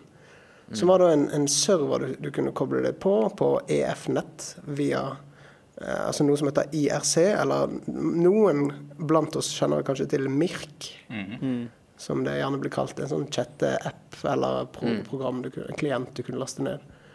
Og det fant jeg ut av ganske tidlig, og det krevde jo ingenting av eh, PC-en min. Det var jo bare tekst og en nettilkobling. Og der, på dette her, eh, på denne kanalen, så kom jeg i kontakt med andre kristne, og mange av de var datainteresserte, og noen òg drev med litt gaming. Ja. Og der fikk jeg vel kanskje den første liksom, smaken på det at et kristent fellesskap kan være viktig og reelt, og i den digitale verden, Ja. og over internett. Så da handlet eh, samtalen av og til om spill, av og til om tro, og begge deler ble tatt like seriøst. Så du fant på litt den der trosaspekt igjen i en annen arena, på en måte? Eller? Ja, det, ja, du kan kanskje si det sånn. Det, det er litt som hvis det er en kristen ungdomsgruppe eller noe sånt, som har noe til felles. Kanskje de liker å drive med sport eller holde på med musikk, og så blir de venner, og så snakker de litt om tro eller har en andakt eller et eller annet sånt. Mm. Eh, Så ble denne her eh, eh, kanalen på IRC et sted der jeg fikk venner, jeg fikk snakket om tro, jeg fikk snakket om livet, jeg fikk snakket om hvordan jeg kan optimalisere denne her eh, vraket av en PC, så jeg kanskje klarer å kjøre Counter-Strike. Ja. uh, Spille litt 1v1 mot en eller annen fyr eller noe sånt. Mm. Uh, Og en som jeg ble kjent med der, har jeg fortsatt veldig god kontakt med i dag, og vi er gode venner i dag. ja. Kult. Det er ganske fett. Cool. Um, hvor um, nå, nå er vi vel da i slutten av ungdomsskoletiden. Ja, det er ungdomsskole videregående. Ja. Um, og så hopper du Stikker du rett til Oslo da og begynner på utdanning? Ja, jeg var ferdig på videregående i 2005, og da flyttet jeg rett her til Oslo. Begynte på den skolen vi sitter i lokalene til nå og tar opp, Mm. på høyskolen her på Fjellhaug i Oslo. Mm. Eh, der, når jeg flyttet inn hit, så var det kanondårlig trådløst nett. Åh, jeg husker det. Du husker det? Jeg kom jo året etter deg, vet du. Det var horrible greier. Det var, altså det, dette bygget er bygget i en tid der de brukte sikkert sånn blyinnlegg i veggene. Så trådløse signaler ble jo stoppet før du Ja, jeg har skjønt at asbest er ganske bra å Ja, det er helt sykt, altså. Og ikke, og ikke bare det, men brannmuren her, som ja, Ja, brukte ja. før, var jo helt krise. Eh, det var jo en, På et tidspunkt så skulle jeg skrive en sånn eh, anmeldelse. Det var før jeg begynte med Game Rector, men jeg drev litt med sånn spillanmeldelser. Mm. eh, Litt sånn på sånn på en annen nettside, sånn brukeranmeldelser. Og så skulle jeg skrive en anmeldelse av Donkey Kong Country Returns på Wii. Nice. Eh, og så skulle jeg google noen bilder så jeg kunne bruke til dette her. Og disse søkeresultatene for Donkey Kong Country Returns fikk jeg da opp i den eh, brannmuren med at de fikk jeg ikke lov å se pga. pornografisk materiale. og det var sånn OK. What? Hæ? Det er, ban det, det, er noen, det er noen bananer her. That's it, liksom. Ja, skumle referanser i Donkey Kong. Ja. nei, men eh, det var på en måte ikke det største spillmiljøet i utgangspunktet, men det ble en del spilling på av type sånn singleplayerspill og sånn. Eh, og så etter hvert så ble det litt sånn konsollspill med folk. Det, jeg bodde på et internat her, og, og vi fant noen felles greier der òg. Men da ble det mer sånn at det var, det var studier, det var troen vi hadde til felles, og andre ting, sånn helt allmenne andre interesser som var det som førte sammen. Og så ble det litt sånn spillsnakk innimellom. Ja. Men da var vi alle jevngamle. Eh, og det tror jeg Ja. Det, det er en, en sånn da, da møter vi hverandre på det stadiet der vi er. Kan vi gjerne snakke om de interessene vi har, inkludert gaming, på et litt sånn jevnbyrdig nivå. Istedenfor folk som hører til i en kirke eller en menighet eller en forsamling der det er liksom de gamle, og så er det deg. Og så skal du snakke om det siste spillet du har hørt på, eller jeg har en veldig bra kristen podkast som heter sånn eller sånn, og som snakker om spill. Så får du ingen respons, eller bare Hæ? Folk rister på hodet eller skjønner ikke hva du snakker om. Men opplevde du liksom hele veien ifra Ja, ifra Etiopia, for eksempel, da, og fram til og med liksom utdannelsesløpet på, på Fjellhaug at, at, at spill var liksom akseptert i, i det kristne miljøet? I hvert fall hos jevnaldrende, kanskje? Eller Ja, Var det en sånn ting du liksom måtte forklare for uh... jeg tror blant jevnaldrende så var det i stor grad det. Eh, eh, mange kristne har liksom reflektert over og tenkt litt på, og kanskje vært skeptisk til det at mange spill har mye vold i seg. mm, Eller andre destruktive elementer, eller ting som de tenker ikke er bra i det virkelige liv. mm, Eh, og så kjenner man ikke til eh, spillmiljø eller gaming i det hele tatt. Og så tenker man kanskje at nei, dette her er, dette er kanskje ikke så bra. Og det tror jeg gjelder kanskje ho i hovedsak litt eldre mennesker, men, men det kan òg være blant unge som ikke driver med gaming. mm. Sjøl har jeg egentlig ikke opplevd så veldig mye ut av denne derre Uff, hva driver du med? Nei, du, du, er- du kan vel ikke være en kristen hvis du driver og spiller Counter-Strike eller GTA eller Fifa eller andre fæle spill. Nei, Så er det vel kanskje ikke dataspill en, en opp gjennom tiden har diskutert mest med de gamle i kirka heller. kanskje. Jeg tror kanskje ikke det. Men, eh, men altså Innad i en kristen setting, hvis, hvis det er en felles interesse folk har, så kan det bli eh, mye tjenlig og mye bra rett og slett rundt det. At man får et fellesskap rundt det. For det er veldig mye, eh, spesielt når man spiller med online-spill, som verken er noe særlig kristelig eller noe særlig sunt i det hele tatt. Eh, jeg ser veldig mye på streams og e-sport-sendinger på Twitch. Og Twitch-chat er jo en sånn egen sjanger, basically. Eh, som ikke er så lett å ta det, det går ikke an å ta det seriøst. Det er per definisjon useriøst. Og hvis noen kristne streamer da prøver å ymte frampå noe om tro og sånn på en stream, så, så blir det bare memes ut av det. Ja, for nå, nå toucher jeg litt sånn inn på noe da som, som jeg tenker at er veldig spennende å komme inn på. Og, og eh, vi jobber jo som sagt sammen på eh, denne gaminglinja på bibelskolen.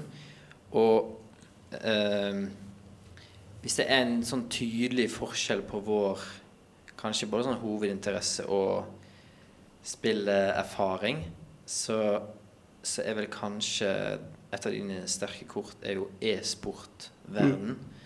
Um, du sitter jo annet nå i en, en e-sport-T-skjorte her. Det er Sjalke sin drakt fra i fjor, League of Legends-laget. Ja. Som hadde en nordmann som byttet klubb i år. Var på tur til Berlin igjen i Ja. år. Vurderte å kjøpe drakt til det nye laget, men han bytter sikkert lag til neste år. Så. Var det, var det Sør-Korea mot Sør-Korea i år òg, eller? Nei, det, VM har ikke vært der nå. Eh, så vi så bare den eh, europeiske toppligaen. Ah. Eh, men han gjorde det godt. Han, begge nordmennene gjorde det godt, de som er med der. Men det er det du skulle spørre om. Kristian. Nei, eh, det er egentlig et todelt spørsmål. Først kanskje litt sånn hva, hva var inngangen din til e-sportverden? Og hva var liksom så som, som Hva er det som ved e-sport som som, fanger deg? Altså, jeg vet at du er glad i fotball. Mm. Så eh, ser du litt liksom igjen de samme Det er kanskje en, en slags sånn generell sportsinteresse for meg personlig. mm. Eh, og så opplever jeg at ja, det, det er en hobby, og, og, og det er ikke sånn, sånn direkte relatert til tro eller ikke tro for min del. Men jeg opplever det som veldig underholdende. Jeg er ikke en så veldig sånn kompetitiv eh, type sjøl. Men det å se andre spille kompetitivt på høyt nivå, det syns jeg er fryktelig eh, engasjerende. Mm.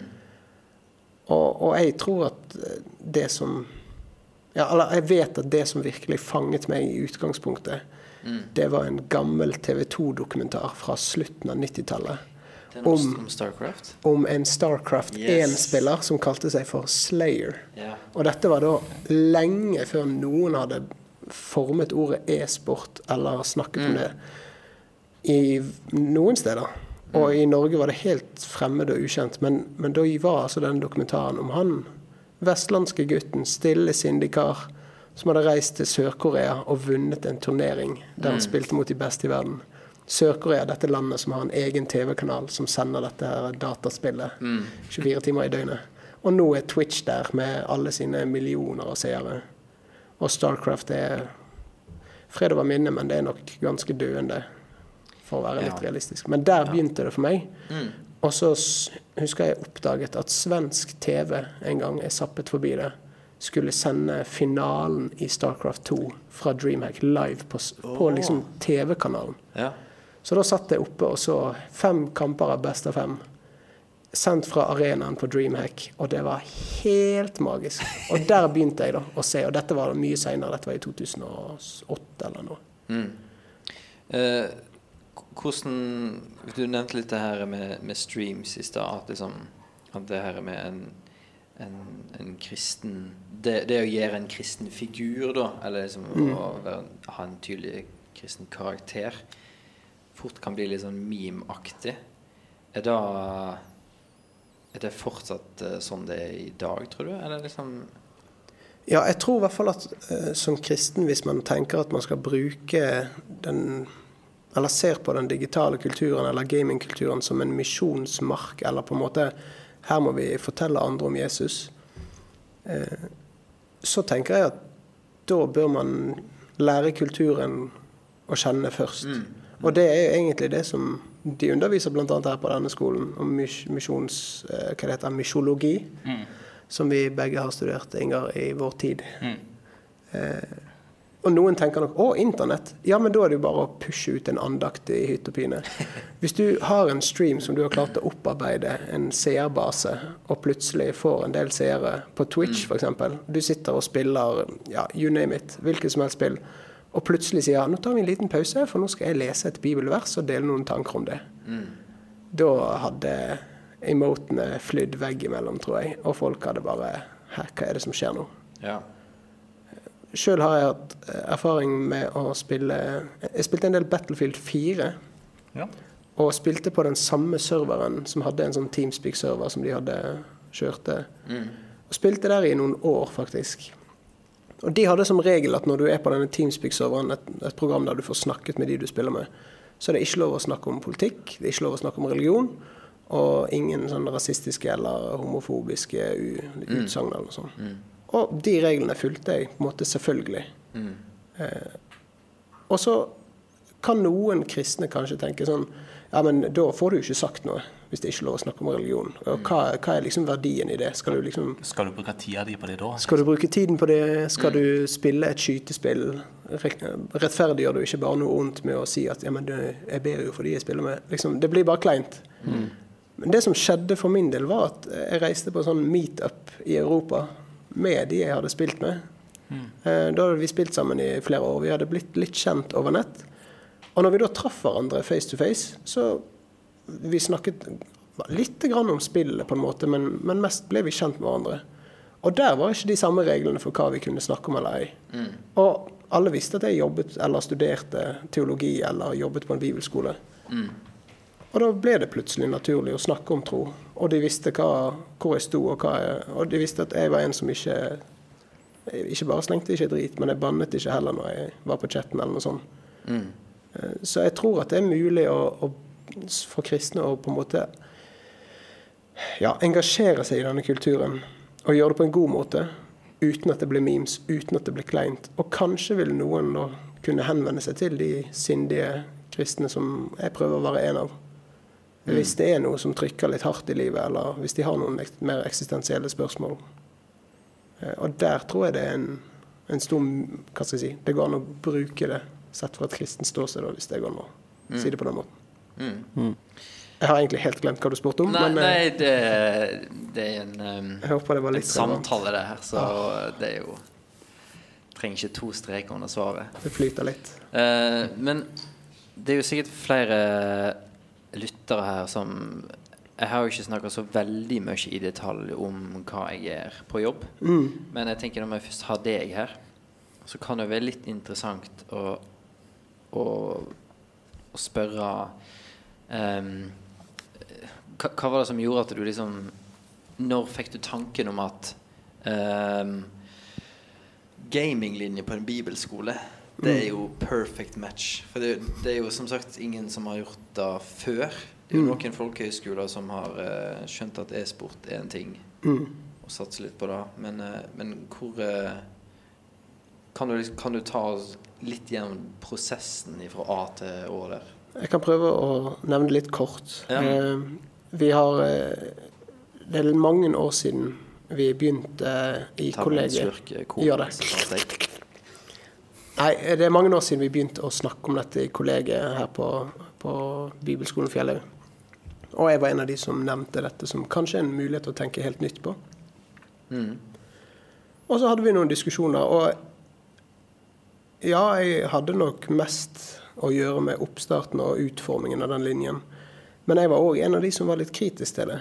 Ja. Fordi jeg tror at man må tenke kritisk, og ikke bare sånn Å, en ny ting som folk eh, syns er fett? Ja, vi må hive oss på det, og så må vi lage en kristen versjon av det. For da blir det både litt klein kristen tro, og så blir det et dårlig resultat. Liksom sånn Hva er det som er mest populært nå? Ja. Ungdom.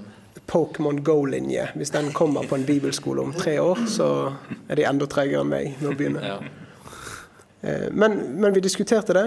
Eh, Jeg fikk utfordringen om å jobbe litt videre med det og prøve å utforme litt hvordan vil dette se ut. Eh, Hvordan går det an å, å lage en bibelskolelinje ut av det, og hvorfor?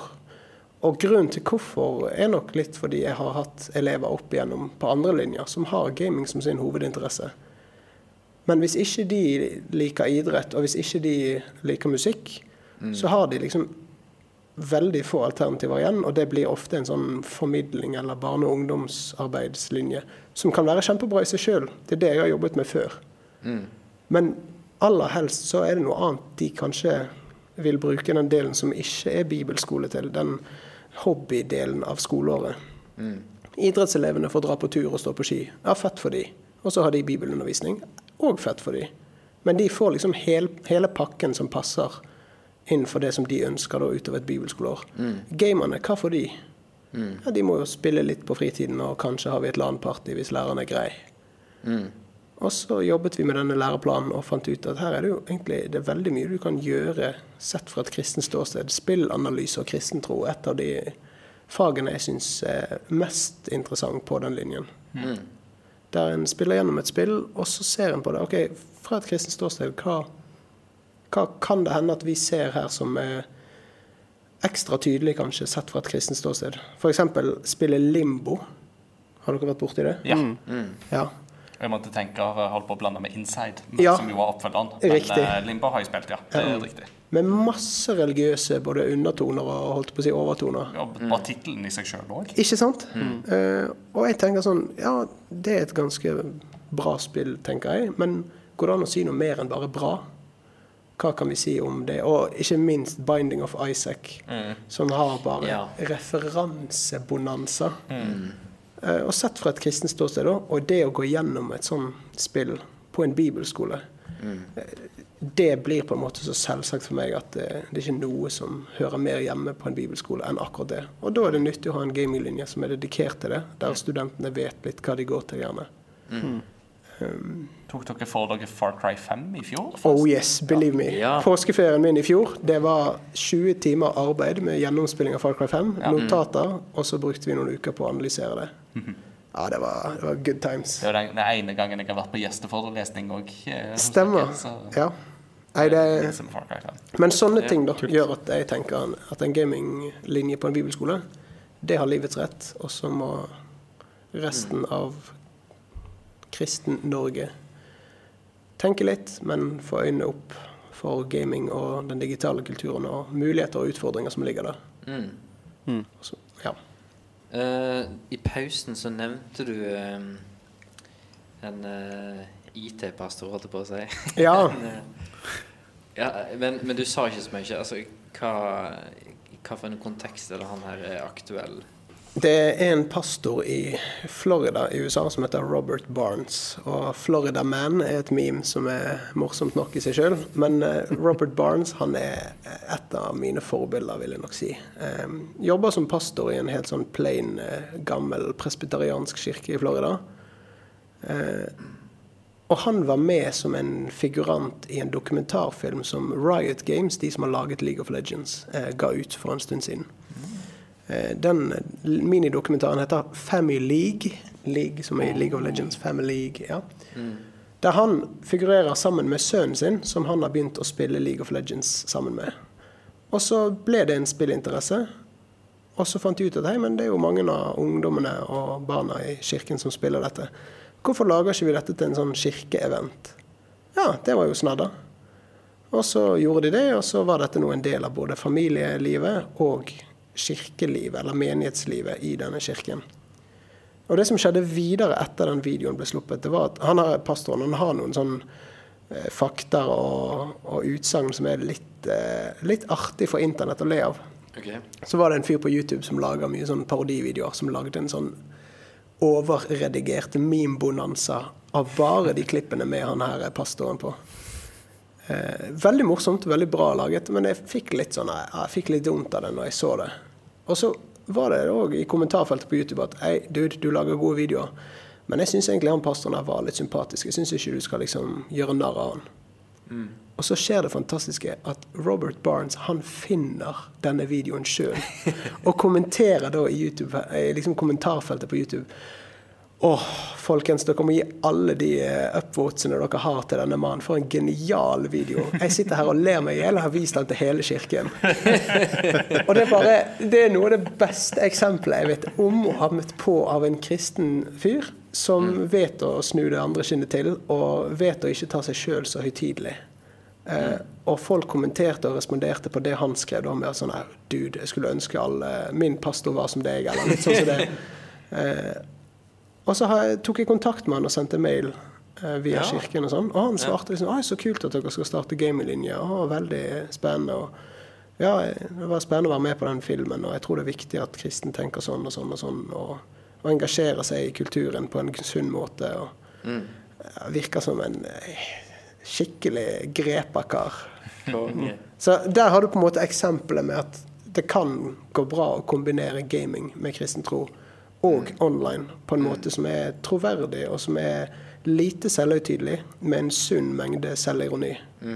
Eh, da tror jeg at det, da får du bevart både gamingaspektet og trosaspektet blir noe ekte, da. Som jeg tror at det, det jo tross alt er. Kristus er sannelig oppstanden, som vi sier i påsken, mange av oss. Jeg Tror det er en uh, fin avslutning, jeg. Ja, altså, jeg har ikke så veldig mye mer å supplere med. Altså, jeg føler at uh, vi har toucha innom en del av de viktige og greie aspektene med det. Og Nesten har selvfølgelig lyst til å eh, si amen. Første gangen de sier amen Ja, men, men, men, men du må huske, vi har, altså, vi, vi har en litt sånn lavkirkelig utgangspunkt, så da, Ok. heter det ikke, da må vi ikke bli så karismatiske, så du kan klare Nei, det med at Og du og du. Men ja. eventuelt så kan jeg si at eh, du, denne samtalen her gikk jo som en dans. Det gikk som en dans! Og vi Åh, helt Noe som jo òg kanskje blir litt sånn uglesett i en lavkirkelig kontekst. enkelte. Nei, men Helt siden jeg ble spurt om å være med på denne podkasten, så har jeg tenkt sånn at nå må jeg klare å holde meg og ikke si 'som en dans' det må jo Christian. Hvis ikke det blir nevnt i løpet av en episode, så har episoden vært forgjeves. Har du virkelig hørt på Crossover Gaming hvis de ikke har sagt at noe gikk som en dans? Nei, jeg, jeg er litt i tvil der, rett og slett. Det var, det, var en, det var en liten tørke på noen episoder før eh, Ja, det du, var du gikk litt altså. hardt ut med, med det uttrykket der, Christian, og så trakk Ja, du deg litt. Ja, jeg tror jeg bare var så megagira i starten når vi begynte podkast, og så har jeg begynt å ta det for gitt. nesten. Ja, det er, men det er sånn er det med nåden av og til òg. Nei, altså, det skal skje. Okay. Sorry. Sklir vi inn i en andakt her? Rett inn i den og Twitch-chat. Sånn er det med Herren. Å, nød.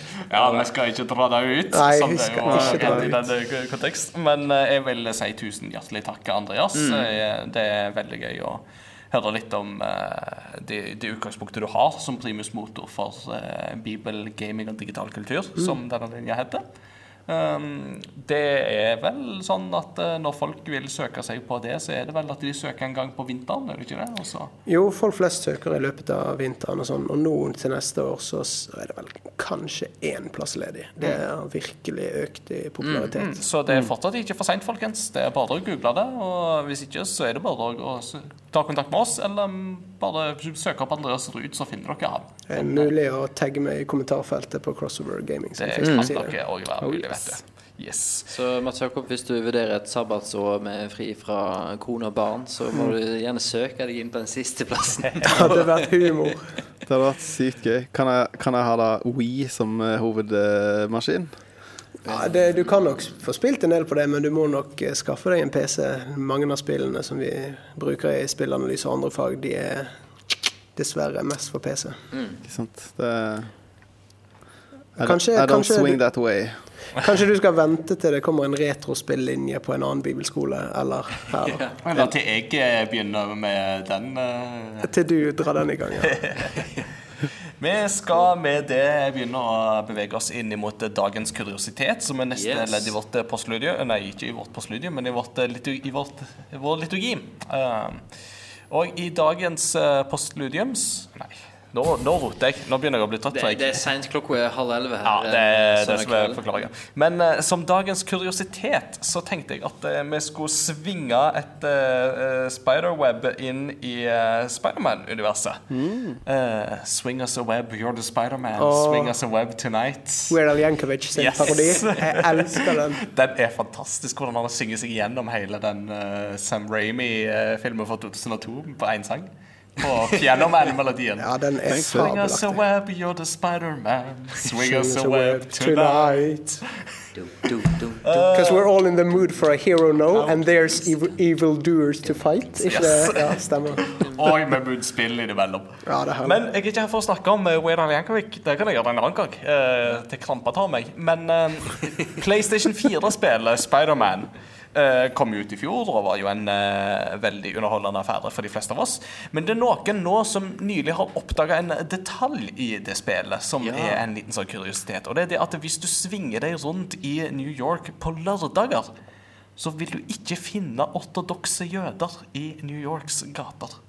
Men det kan du finne alle de andre dagene. For New York har jo et ganske stort ortodoks jødisk, eller bare generelt et jødisk community. Eh, men hvis du da svinger rundt på lørdager, så vil du ikke se en eneste ortodoks jøde blant NPC-ene rundt omkring i New York. Og det skyldes jo da rett og slett at på lørdag så feirer de sabbat, så da er de ikke ute. Spesifikt. Så det er en sånn Snakk om attention to detail. Ja. Ja, det er sladder. Ja, det er sånn da, da, da kjenner du byen, altså, tenker jeg. At det er litt sånn En programmerer da som har kost seg litt. Ja, ja, ja og, altså, det, og det er jo eh, ikke første gang sånne ting har skjedd. Liksom, at en på en måte bruker in game-kalender og klokkefunksjon på en snedig måte. Altså, Animal Crossing har jo gjort det ved flere anledninger. Batman Arkham City har jo Calendar Man, som du kan besøke i en sånn fengselscelle der man sitter under rådhuset. Eh, og du må liksom besøke han på bestemte dager der han vil si bestemte dialoger og sånne ting. For han opererer jo ut ifra hva dag eh, på året det er. Altså at det, er liksom hans på en måte eh, Hans operational mode. Eller altså, det er jo sånn Calendarman eh, opererer, da. Så har det vel òg han bossen i Metal Gear Solid 3, Solid Snake, hvor Nei, Snake Eater. Ja. Hvor eh, en sånn gammel, gammel sniperfyr, som er veldig vanskelig å ta. Ja. Men hvis du saver, og så går du inn i kalenderen på konsollen og skrur så og så mange måneder frem i tid, Jeg tror det var ei uke. ja, og loader, så har han dødd av alderdom. Ja. Er det sant? Å, det er fantastisk. Og da kan du liksom bare opp, og så luter han Jeg vet ikke hva jeg gjør, jeg, og så Mm. Springer du videre. liksom Det er veldig vittig. Så det er veldig, veldig gøy. Kojima, altså. Ja. Det er jo easter eggs en snakker om, da. Og det passer jo òg Det passer jo òg for anledningen. Ja. ikke sant? Ja, ja, ja. Hvorfor hadde vi ikke det i lytterspalten? Det- Nei, fordi at jeg var veldig gira på å høre på hva folk hadde lyst til å spille Ja. i påsken. og sånt. Neste påske. Neste påske. Neste påske. Ja, Next year in Jerusalem. Crossover Gaming episode 70. Bare gjør dere klare. Yes. Takk til alle dere som har lytta eh, så langt. Eh, kanskje temaet var litt sånn uvant og kanskje og føltes litt smalt for noen av dere. Men eh, det er jo sånn vi liker å operere her i Crossover Gaming. Vi streifer innom mange forskjellige temaer. Det, Så før dere vet ordet av det, så eh, kan det hende at vi gjør noe lignende igjen om et litt annet tema som kanskje du syns er litt mer interessant. Men kanskje du som hørte på, syns dette var akkurat det du ville ha, og at eh, Ja, og da er det det du får. Eh, I, eh, det skal jo nevnes at vi har hatt en lytter som har, eh, som har pitcha et tema for oss, Ja. som til slutt gikk eh, gjennom og Ja. ble et tema i en episode. det er riktig. Så vi, vi er ikke fremmed for uh, Vi har jo som sagt ei Facebook-side -hmm. som er ikke Og der trenger ikke du skrive på veggen. Du kan sende en sånn privatmelding. Mhm. Og vi er ikke fjerne for, eh, for forslag eller ønske til, til Det, Tema. det er helt sant. Så takk til alle dere som har hørt på. Eh, husk å like oss på Facebook hvis du ikke har gjort det. Takk til alle dere som har vært med, ikke minst deg, Andreas. Og som eh, siste ledd i vår liturgi så har vi jo alltid et postludium. Og vi har da fått tradisjon om at gjesten får lov å velge postludium. Og hva har du valgt for oss i dag? Du, jeg har tenkt eh, Nå har jeg jo spilt mye eh, 6 i påskeferien og blitt veldig glad i musikken derfra. Men der man virkelig ble glad i Civilization-musikk, det var i Civilization 4. Christopher Tinn sin Det var, var nominert til Grammy. eller Den har vunnet Grammy. Det er den eneste Ja. spillåt noen gang som har vunnet en Grammy. Stemmer. Det mesterverket av en låt, Baba Yeto, som var da når du startet opp spillet, og du så menyen og liksom horisonten stige opp bak den, så begynner de så å synge da på swahili. Ja. Baba Yeto, som da er bas teksten er basert på Fader vår på swahili. Teksten er basically av fader vår på swahili. Og det er jo veldig stilig, for det går jo litt under Civilization sin uh, tone, ikke sant? Med at verdenshistorien er sånn du skaper den. Eh, og vi er jo vant til å tenke at eh, latin er kirkespråket, men hva hvis det hadde vært swahili Så hadde vært kirkespråket? Da hadde du fått Babayeto istedenfor Anjos Dei. Hvordan man forholder seg til kirke og tro og alt sånt som det, det kan være så mye eh, Eller det kan være så mangt, men den sangen her, det er et mesterverk. Jeg, jeg har faktisk hatt den som vekkerklokke på mobilen min. Jeg tror det er snart i ti år nå. Og jeg tenker gang på gang skal jeg skifte. Men så bare sånn Nei, jeg klarer ikke å få meg til å skifte. For det er sånn et nydelig stykke å innlede dagen med. Jeg får nesten lyst til å gå hjem og spille Civilization 4. Ja, det får jeg òg. Jeg brukte altfor mye tid på det da jeg studerte her. Kanskje det blir et tema. Ja. Just one more turn. Just one more turn. Ja. Så da har vi det. Det er da altså Baba Yeto av eh, Christopher Tinn som eh, vi får høre der avslutningsvis. Da takker vi for eh, følget i kveld, og så snakkes vi igjen om to uker. Da er vi tilbake igjen på en mandag, samme tid som vi pleier. Kos dere med Game of Thrones og Avengers Endgame i mellomtida. Og så snakkes vi med neste korsvei. Ha det bra! Ha det bra. Ha det bra.